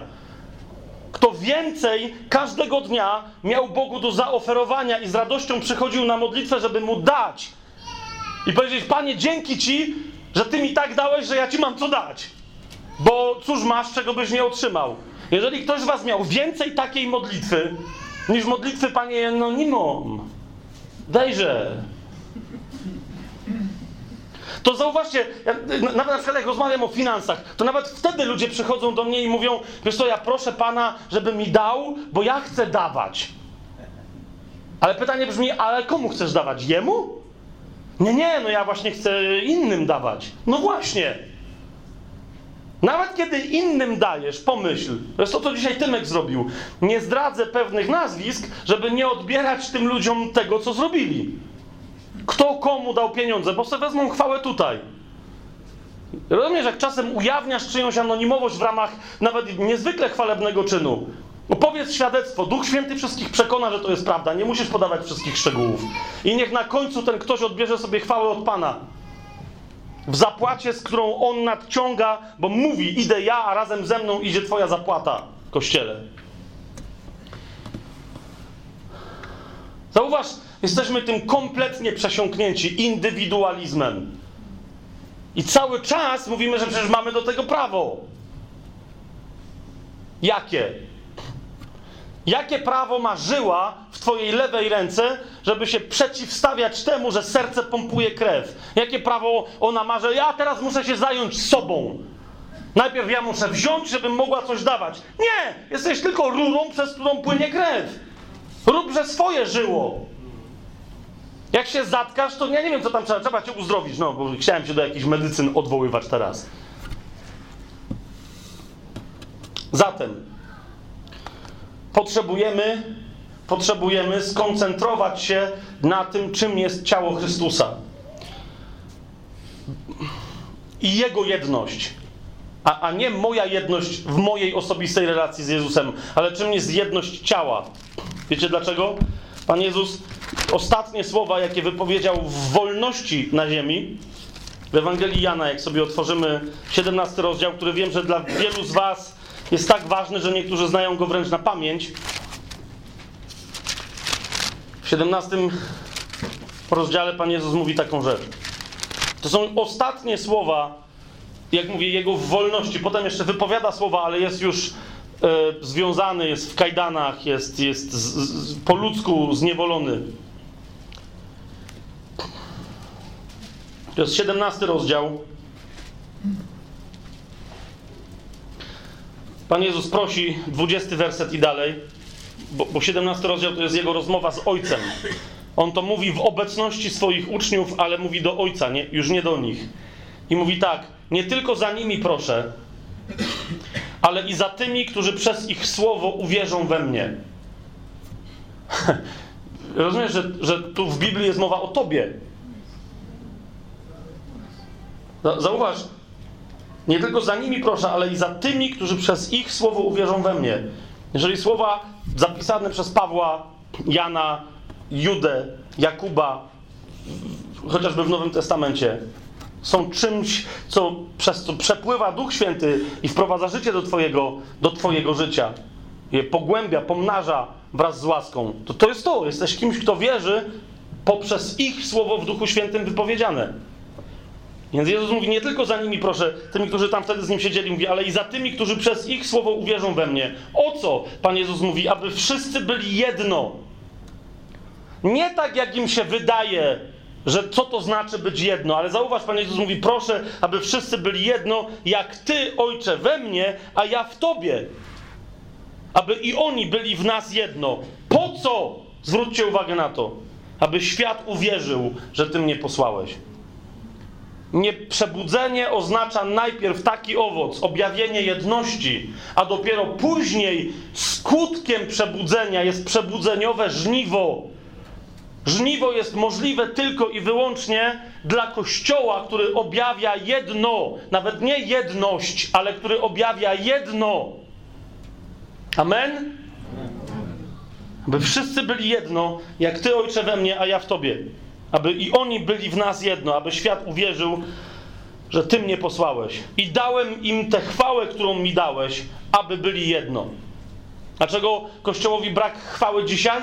Bo chwała jest dana, aby byli jedno. Jeżeli my chcemy brać chwałę od Pana, przeżywać obecność Jego chwały, żeby nam się kolana uginały pod, Jego, pod obecnością Jego chwały, ale chcę, ja chcę tego doświadczać, ja chcę tego doświadczać, to tym im bardziej, im bardziej chcę ja tego doświadczać, tym mniej tego dostanę. Bo chwała przychodzi, abyśmy byli jedno, a nie abyśmy byli zatomizowani i każdy sobie przeżywał. 23 werset. Ja w nich, a ty we mnie, uważajcie na to, aby byli doskonali w jedno. Żeby świat poznał, że Ty mnie posłałeś i że umiłowałeś ich, jak i mnie umiłowałeś. Poznanie w świecie tego, kim jest Jezus, przychodzi przez ciało Chrystusa, które okazuje jedno. I teraz ogłaszam rzecz. W świecie duchowym. List do Efezjan, czwarty rozdział, dziesiąty werset. I to będzie koniec. Dzisiaj. Czyli jeszcze jakieś 45 minut. To będzie koniec dzisiaj, to ogłoszenie. Do tego zmierzamy. Nowy etap. Jestem przekonany, że to jest etap, na który wprowadza nas Duch Święty. Robotnicy i żołnierze muszą stać się nauczycielami i prorokami. Dlaczego? Jest do Efezjan 4 rozdział 10 werset. Jezus, czyli, i teraz czytam, ten, który zstąpił, jest też tym, który wstąpił wysoko ponad wszystkie niebiosa, aby napełnić wszystko. Wow! jeżeli rozważa, zauważ, zauważ, jak ktoś rozważa, że kim ja jestem w Chrystusie, to, to najpierw rozważ, kim jest Chrystus sam w sobie. I wtedy rozumiesz od samej myśli, w którą Duch Święty cię wprowadzi, kim ten Chrystus, którego On ci objawia, jest w tobie, wtedy chwała powali cię na ziemię i nie wstaniesz. W twojej komorze. Nie na dziwnym, charyzmatycznym zgromadzeniu, ale po prostu w samotności. Dlaczego? Ponieważ w tobie jest ten i ty jesteś tym, który nie tylko, że zstąpił, ale wstąpił wysoko ponad wszystkie niebiosa i napełnił sobą wszystko. Kim ty musisz być, żeby ten, który napełnił sobą wszystko, zmieścił się w tobie? Rozumiesz, co to znaczy, że jesteś nowym stworzeniem? Bo ja nie. Ale chwalę Boga za to, jak cudowną i słodką tajemnicą, ożywczą i noworodzącą jest prawda i zasada, że jesteśmy nowym stworzeniem, która jeszcze się w pełni nie ujawniła. My wiemy, kim dziś jesteśmy, że dziećmi Bożymi, ale jak mówi Jan w pierwszym liście, jeszcze się nie okazało, kim będziemy. A to objawienie będzie powalające dla wroga i nie tylko dla wroga, będzie dziwowiskiem wspaniałym dla wszystkich istot duchowych. Bo żaden anioł, nie tylko anioł, zwierzchność duchowa, nie mówię o upadłych, mówię o tych wiernych Bogu, żaden cherubin, serafin, nikt nie otrzymał takiej obietnicy i takiego wypełnienia obietnicy jak my. Ten, który zstąpił, jest i tym, który wstąpił wysoko ponad wszystkie niebiosa, aby napełnić wszystko. I teraz zauważ, że wraz z dziełem wypełnienia wszystkiego dokonał cudowne dzieło objawienia poprzez swoje nowe stworzenia, swojego ciała na ziemi. Jak? I on ustanowił jednych apostołami, drugich prorokami, innych ewangelistami, a jeszcze innych pasterzami i nauczycielami.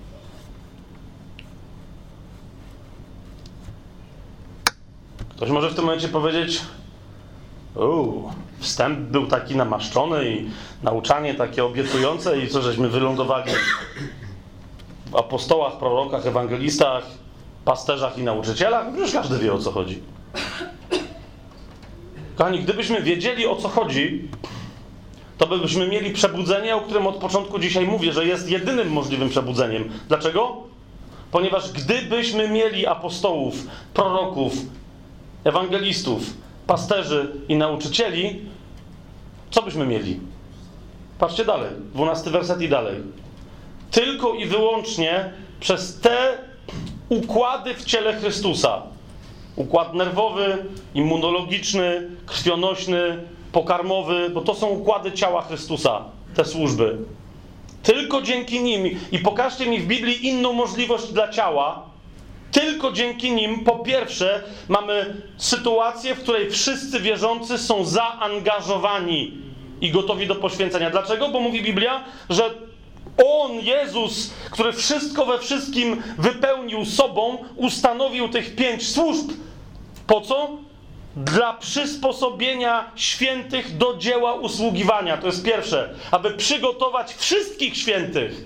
Amen Rozumiesz? Po pierwsze, po pierwsze, gdybyśmy mieli pięcioraką służbę, tak jak Pan ją objawił, nie mielibyśmy żadnej formy kleru. Amen.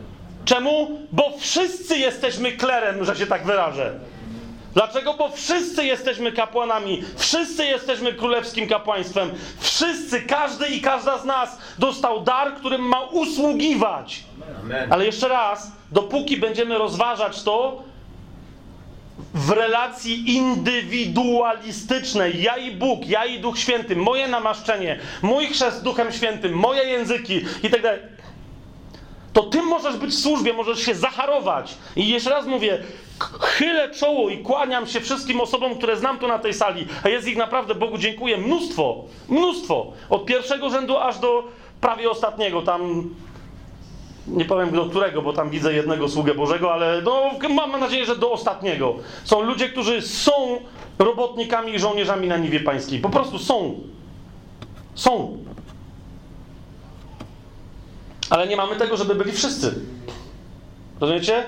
Odpowiedź jest jedna, bo wola Pana Jezusa jest jednoznaczna. Pięcioraka służba powoduje, i tylko ona, nie taki czy inny model kościoła, nie takie czy inne struktury, nie takie czy inne organizacje, nie takie czy inne denominacje. Przysposabia świętych do dzieła usługiwania. Dalej, zauważcie, buduje ciało Chrystusa. Jezus ustanowił te służby, te i tylko te. Do czego? Do budowania ciała Chrystusa. Czemu nie doświadczamy wzrostu ciała? Nawet jak przyjdą nowi, to starzy umierają, no i zasadniczo jest kółko to samo? Właśnie dlatego. Właśnie dlatego. Z ile miliardów ludzi w tym momencie na Ziemi? Siedem? Osiem już? Jeszcze siedem. Jeszcze siedem. Siedem miliardów. Miliard to jest ile milionów? Tysiąc milionów. W Polsce mamy ile milionów ludzi? 38 milionów ludzi. Milion to jest ile tysięcy? Tysiąc tysięcy. Dobrze gadam? No tak, bo 100 tysięcy to jest 100 tysięcy, a to jest 10 razy więcej. To jest 1000 tysięcy. To rozumiecie, jak ja schodzę, schodzę, schodzę, schodzę w liczbach i chrześcijan biblijnie wierzących w Polsce nie ma nawet 100 tysięcy. Rozumiecie, o czym mówię? Dlaczego?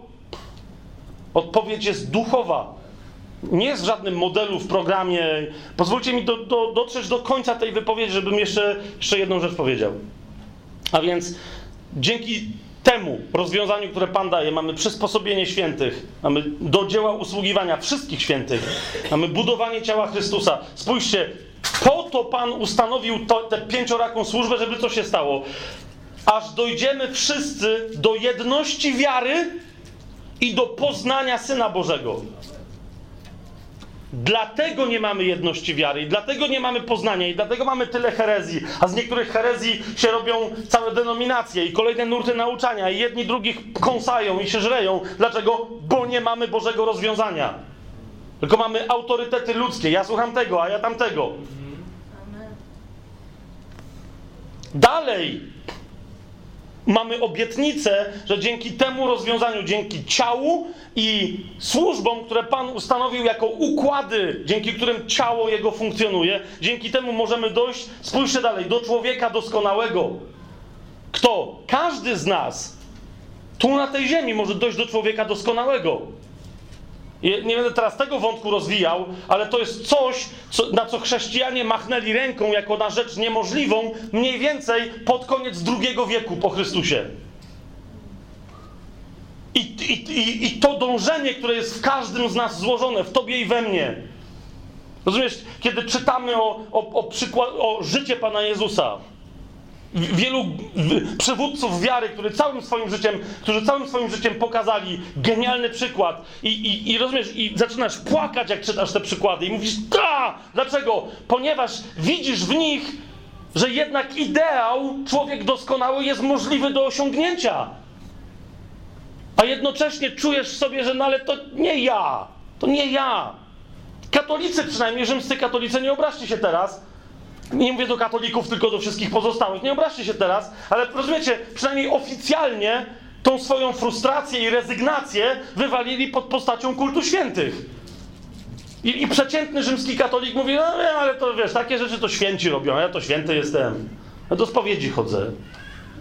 Święci się nie spowiadają. Także wiesz jak. A my niby nie mamy kultu świętych, ale de facto tak samo myślimy. Nie, nie, no ale człowiek doskonały, no ja wiem, no, robię co mogę, nie? No czyli nic. A człowiek doskonały jest możliwy. Zauważ dalej, aż dojdziemy do miary dojrzałości, nie dojrzałości osobowej, ale każdy i każda z nas, wszyscy święci, do miary dojrzałości pełni Chrystusa. Wow! Ta jedność, rozumiesz, powoduje, że wychodzisz na ulicę i masz misję do wypełnienia, bo to jest Twoja tożsamość, rozumiesz? Miara dojrzałości pełni Chrystusa w tobie powoduje, że gdzieś idziesz, a twój cień niechcący uzdrawia chorych. Ale wiesz, nie wychodzisz po to, żeby rzucić cieniem uzdrowieniowym, tylko po prostu robisz swoje. Ale jeszcze raz, ty robisz swoje w tej mierze pełni dojrzałości Chrystusowej, kiedy, kiedy jesteś w ciele które działa jak Pan zamierzył, żeby działało ciało. Dalej, czternasty werset. Abyśmy już nie byli dziećmi miotanymi i unoszonymi każdym powiewem nauki przez oszustwo ludzkie i przez podstęp prowadzący na manowce błędu. Abyśmy już nie byli dziećmi. Żadne Twoje osobiste działanie, bardzo, chciałem powiedzieć, bardzo Cię przepraszam teraz. W zasadzie to jest, co ja Cię przepraszam, co to jest moja wina? Ale z nie wiem, jak to powiedzieć bardziej dramatycznie. Więc powiem normalnie, żadne Twoje czy moje osobiste działanie, najbardziej zgodne ze Słowem Bożym, w objawieniu ducha, które jest absolutnie prawdziwe, żadne Twoje czy moje osobiste, indywidualistyczne działanie nie przyniesie tego skutku, który, który mamy obiecany jako pewny w Biblii, jeżeli właśnie będzie to działanie indywidualistyczne. A więc nasze serca to jest, to jest, to jest, to jest, chciałem powiedzieć moje objawienie, to jest objawienie w Biblii zawarte, tak? Ale to jest moje objawienie, że my możemy być całkiem możliwe na, na, na, na, naprawdę na krawędzi przejścia do zupełnie nowej epoki, ostatniej epoki w dziele, e, w historii ciała Chrystusa tu na ziemi.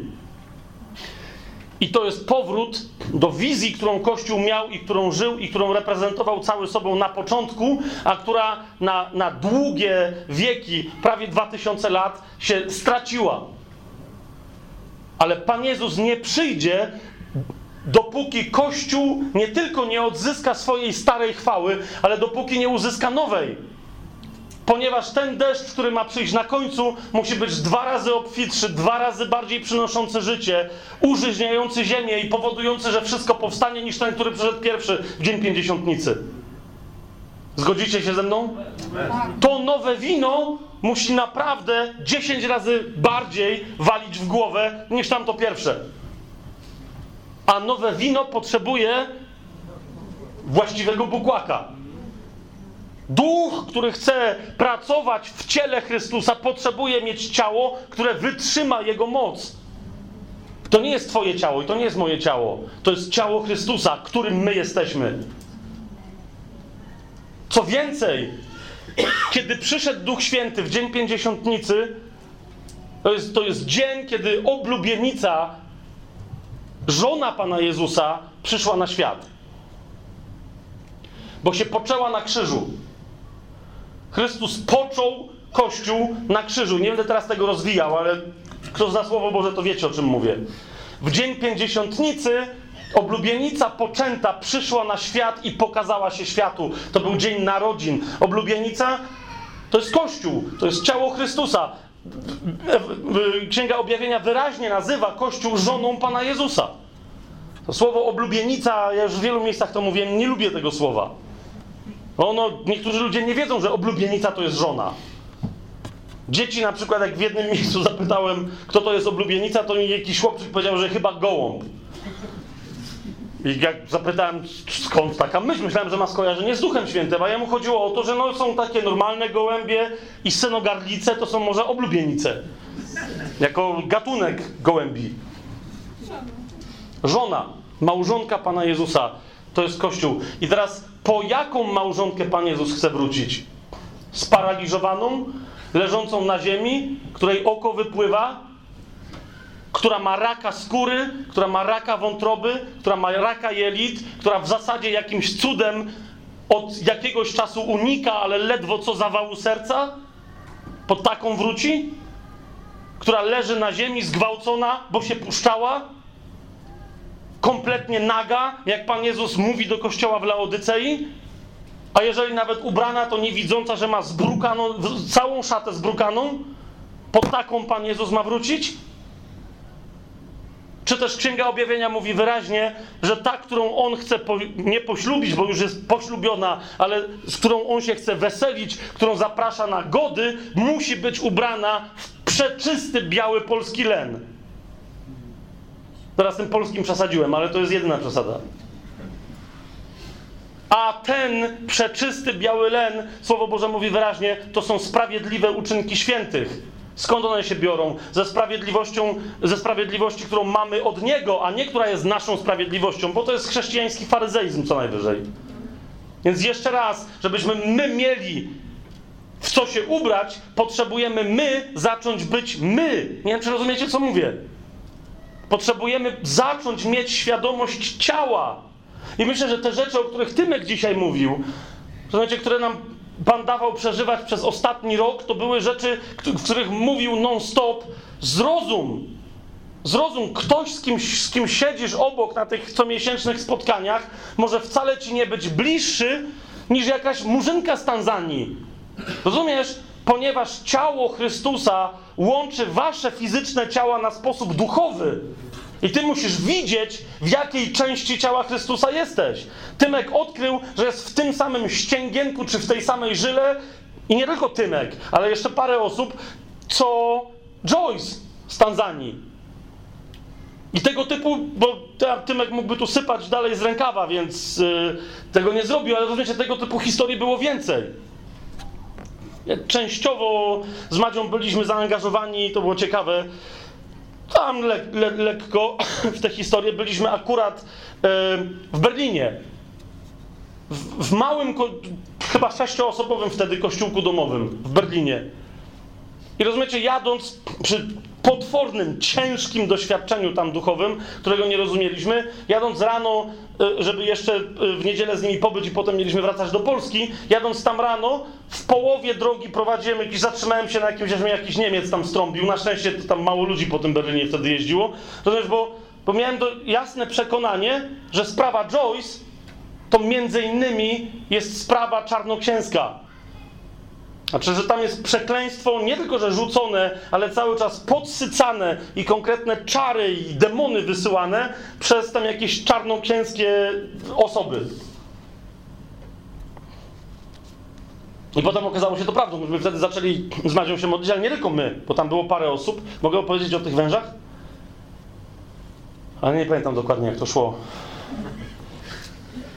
W każdym, w każdym razie, w ramach tej walki duchowej, znaczy jasnego przekonania, że my tutaj, biali Polacy w Niemczech, mamy walczyć o czarnoskórą siostrę w Tanzanii, ale nie tylko, bo, bo, inni byli w Polsce biali.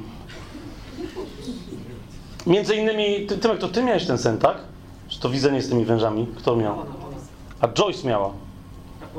Tak, tak, bo zaczęliśmy rzeczywiście te, te wiecie, niektórzy mówią, a świrujecie z tymi demonami, z tym wszystkim. I wyobraźcie sobie sytuację, tu się odbyła walka, która trochę trwała.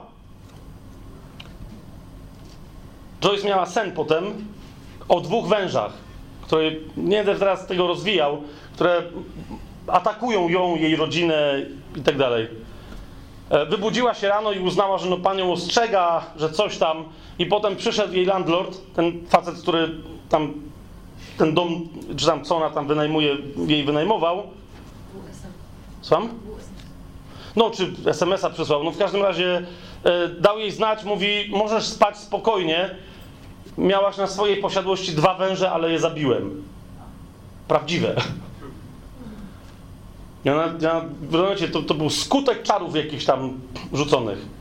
Dziewczyna przeżywała historię typu, mogę to powiedzieć z tym, z tym krzesełkiem, Rozumiecie, e, e, jedna opętana współpracownica jej podłożyła ładunek wybuchowy pod jej siedzenie w pracy. Jak ona przyszła do pracy, miała jasne ostrzeżenie od Boga, że nie może usiąść na krzesełku, na którym, na, na tym polega jej praca przy komputerze. Rozumiecie? Więc nie siadała. I, I nagle potem ktoś odkrył, że zaraz, ale coś jest nie tak. W całej, wiecie, sensacji, skandalu tam ta kobieta wyleciała, nie jako opętana, tylko jako chora psychicznie, terrorystka i tak dalej, i tak ale wystarczyło dosłownie po prostu dotknąć siedzenia i wylecieć w powietrze. Więc rozumiecie, gdzieś toczy się walka i w tej walce my braliśmy udział. Bo to jest jedno ciało. Nie ma czegoś takiego, nie ma czegoś takiego jak prześladowanie chrześcijan w Iranie. Rozumiesz, jest prześladowanie tego samego ciała. Jezus staje przed Szaulem i mówi: Szawle, szawle, dlaczego mnie prześladujesz? I on mówi: Panie, ja cię nie znam. Jak to mnie nie znasz? Ile kobiet, ile mężczyzn straciło życie przez ciebie? Ilu siedzi w więzieniu przez ciebie? To mnie prześladujesz.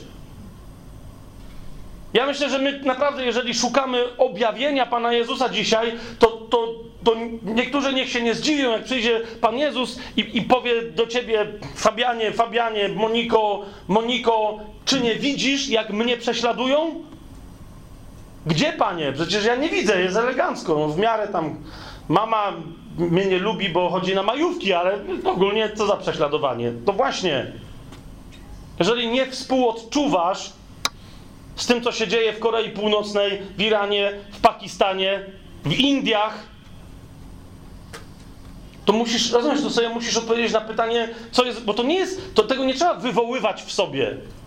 Ktoś mi ostatnio powiedział, że se wszędzie po domu napisał Hebrajczyków 13.3, żeby się modlić za prześladowanych chrześcijan. Jak tego nie masz w sercu, rozumiesz, to, to, to masz problem z Duchem Świętym, a Duch Święty z tobą.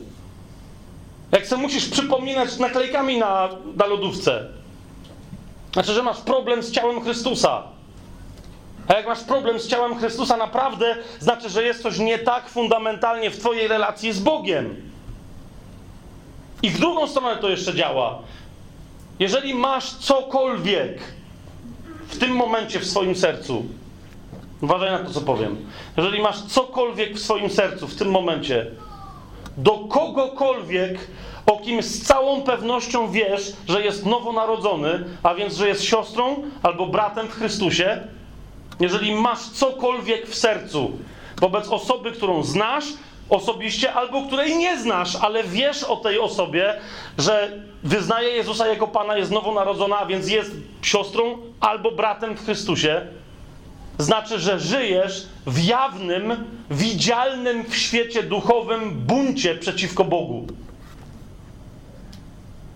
Rozumiesz? Ty możesz to ukrywać i nosić w sercu urazę. Nosić w sercu oskarżenie pod czyimś adresem. Możesz to ukrywać przed ludźmi, możesz to ukrywać przed innym ciałem i krwią. Sęk w tym, że w świecie duchowym wszyscy duchowi to widzą. I duchowi święci, i duchowi upadli. Wszyscy to widzą. Dlaczego? Bo jako nowonarodzona osoba jesteś źródłem światła, a więc świecisz tym, co masz w sobie. Więc się nie dziw później, że się modlisz i nie otrzymujesz błogosławieństwa, bo je otrzymujesz, je masz je non-stop nad sobą. Ale nie możesz się nim posłużyć, bo robisz co innego w świecie duchowym. Przyjąć błogosławieństwo można tylko sercem, które jest wolne od żalu, rozgoryczenia, zawiści, które jest wolne od nieprzebaczenia. To jest ciało. Ciało to jest Twoja gotowość, rozumiesz, otwarcia się nawet często na coś, co Cię zaboli jako krytyka w kościele.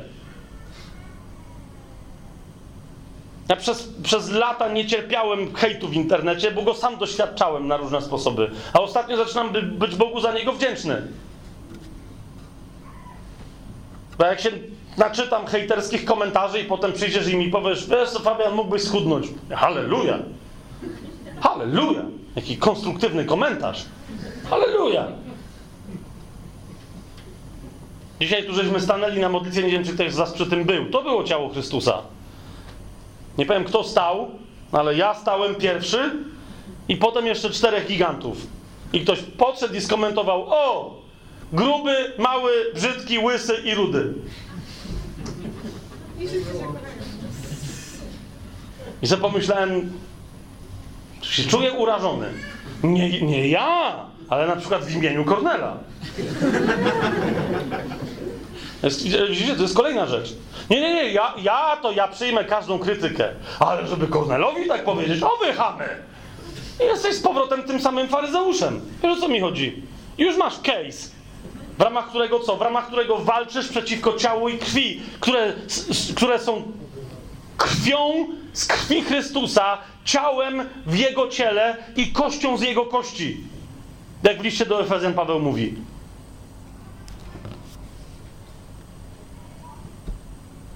Piąty rozdział, trzydziesty werset. Jesteśmy członkami Jego ciała, z ciała Jego i z kości Jego. Jakby ktoś tego fragmentu nie mógł znaleźć, on jest trudniejszy. A zatem, kochani, to co ogłaszam dzisiaj w imieniu Jezusa Chrystusa wobec całego świata duchowego. Nazwijcie to jak chcecie, że to jest. Nie wiem, co to jest. To, to jest, że ten najbliższy rok jest, jest rokiem naszego powrotu do ciała Chrystusa. Jak my zaczniemy. I teraz, jeszcze, jeszcze raz, bo teraz chodzi o to, żeby zaś, wiecie, nie zaczęło się wymyślanie. Tak, zgadzam się, że się pojawią pewne propozycje, jak sądzę, i one się pojawią z wielu miejsc. Bo myślę, że to się dzieje w duchu wszędzie na świecie. Ale to jest najważniejsze, żebyśmy chcieli zobaczyć na powrót ciało Chrystusa w jego pełnej chwale, w ramach której ludzie nie będą sami siebie nazywać apostołami, prorokami, kimś tam, ale których zobaczymy, jak Pan podniesie. aż dopóki nie zobaczymy apostołów. I dlatego, dlatego powiedziałem, że to, co dzisiaj będę mówił, będzie się nazywać prorocy i nauczyciele, ponieważ dla mnie osobiście kluczowym wydarzeniem jest 13 rozdział dziejów apostolskich, gdzie bez udziału apostołów wybranych przez Pana Jezusa, Duch Święty sam przez usługę publiczną nauczycieli i proroków wskazał dwóch apostołów: Barnabę i Szawła, którego znamy jako Pawła.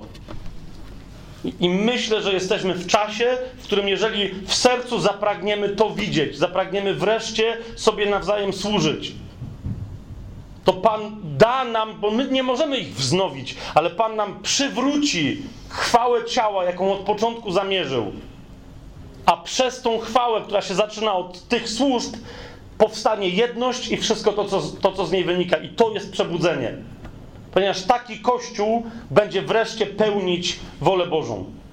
My w sercu potrzebujemy wrócić do, do, do ciała Chrystusa jako ciała.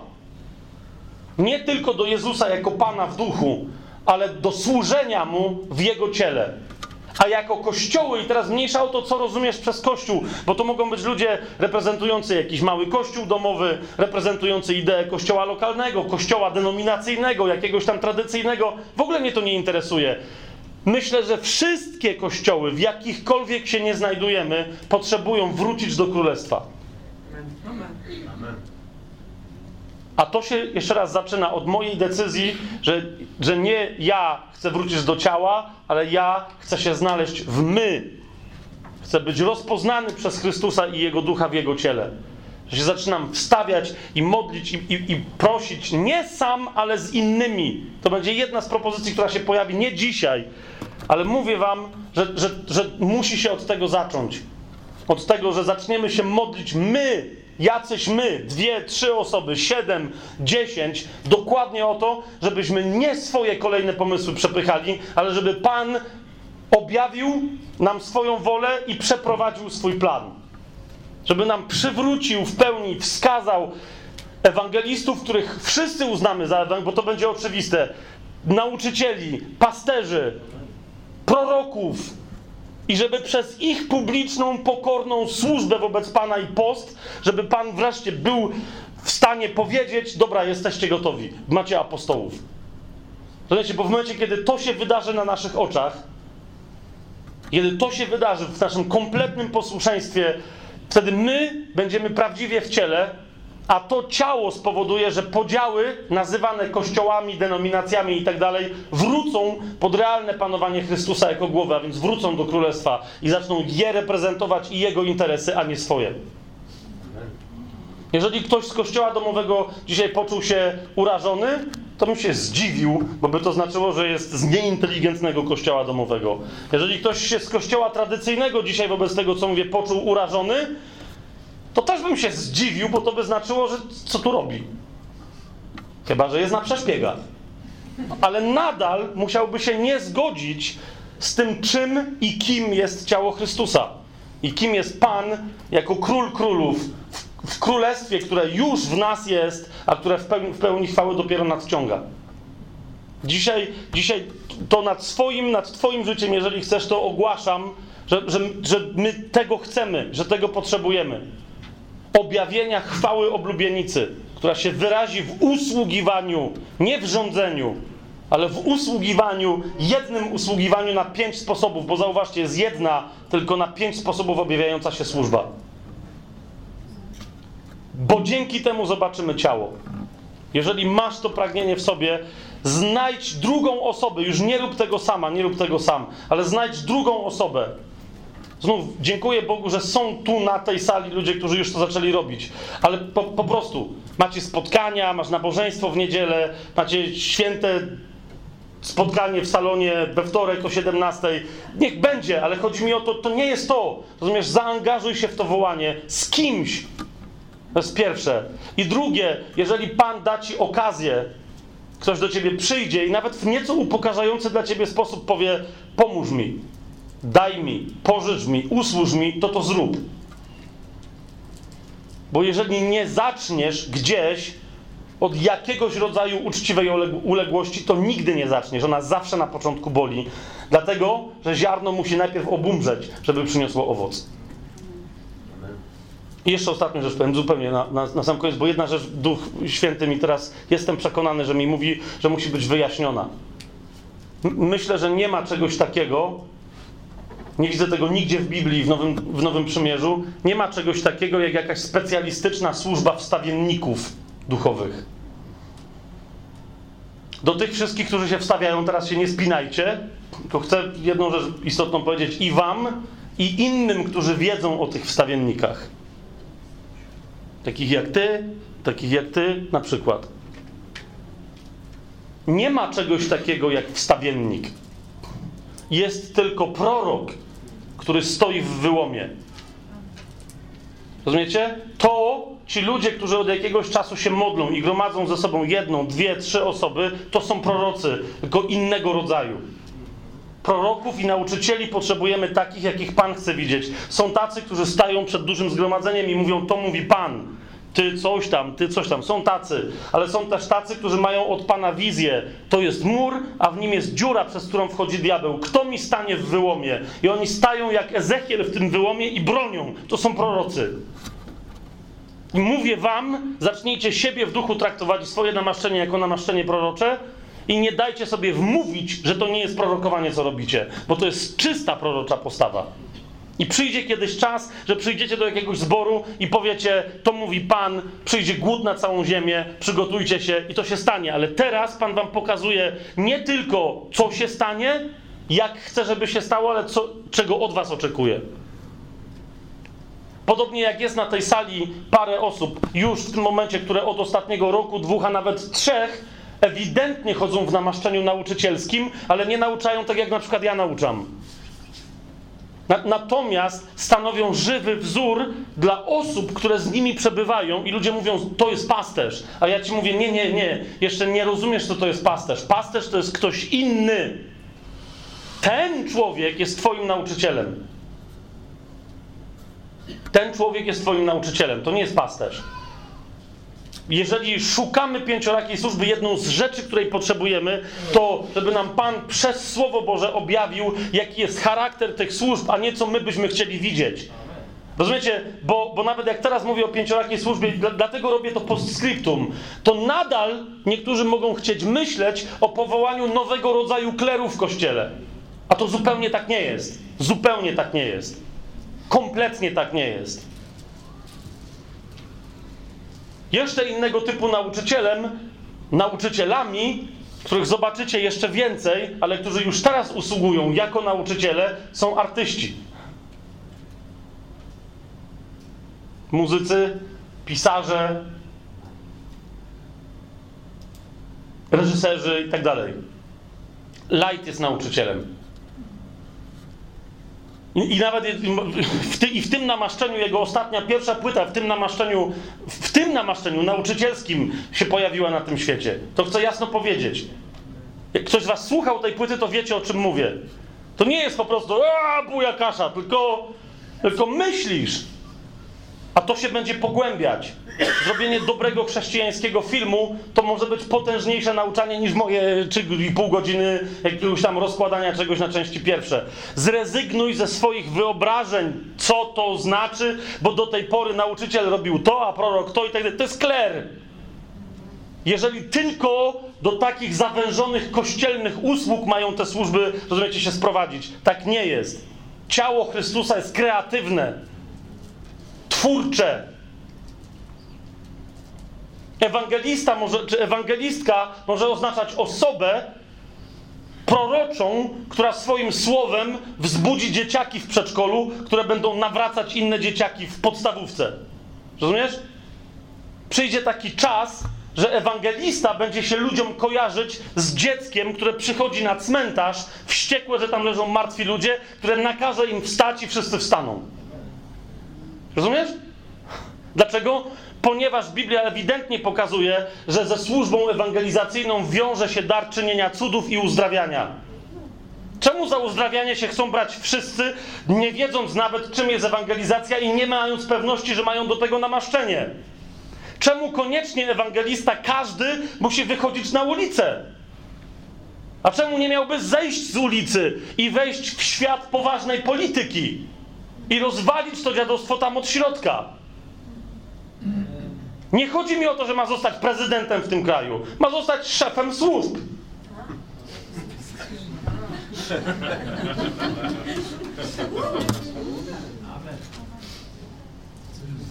Rozumiecie, co mówię? Więc jeszcze raz, to nie chodzi o to, żeby stworzyć nowy. Nie, nie. Duch, niezależnie od tego, czego my się możemy zacząć spodziewać w swojej twórczości, Duch Święty, objawi nam rzeczy, o jakich naprawdę nawet nie chciało się nam przyśnić w najśmielszych oczekiwaniach. I to jest to, czego pragnie moje serce. I to jest to, co dzisiaj ogłaszam, że, że takie pragnienie może być tylko i wyłącznie Boże. Bo jest za duże jak na mnie. Nawet jak na mnie. Amen. Amen. Amen.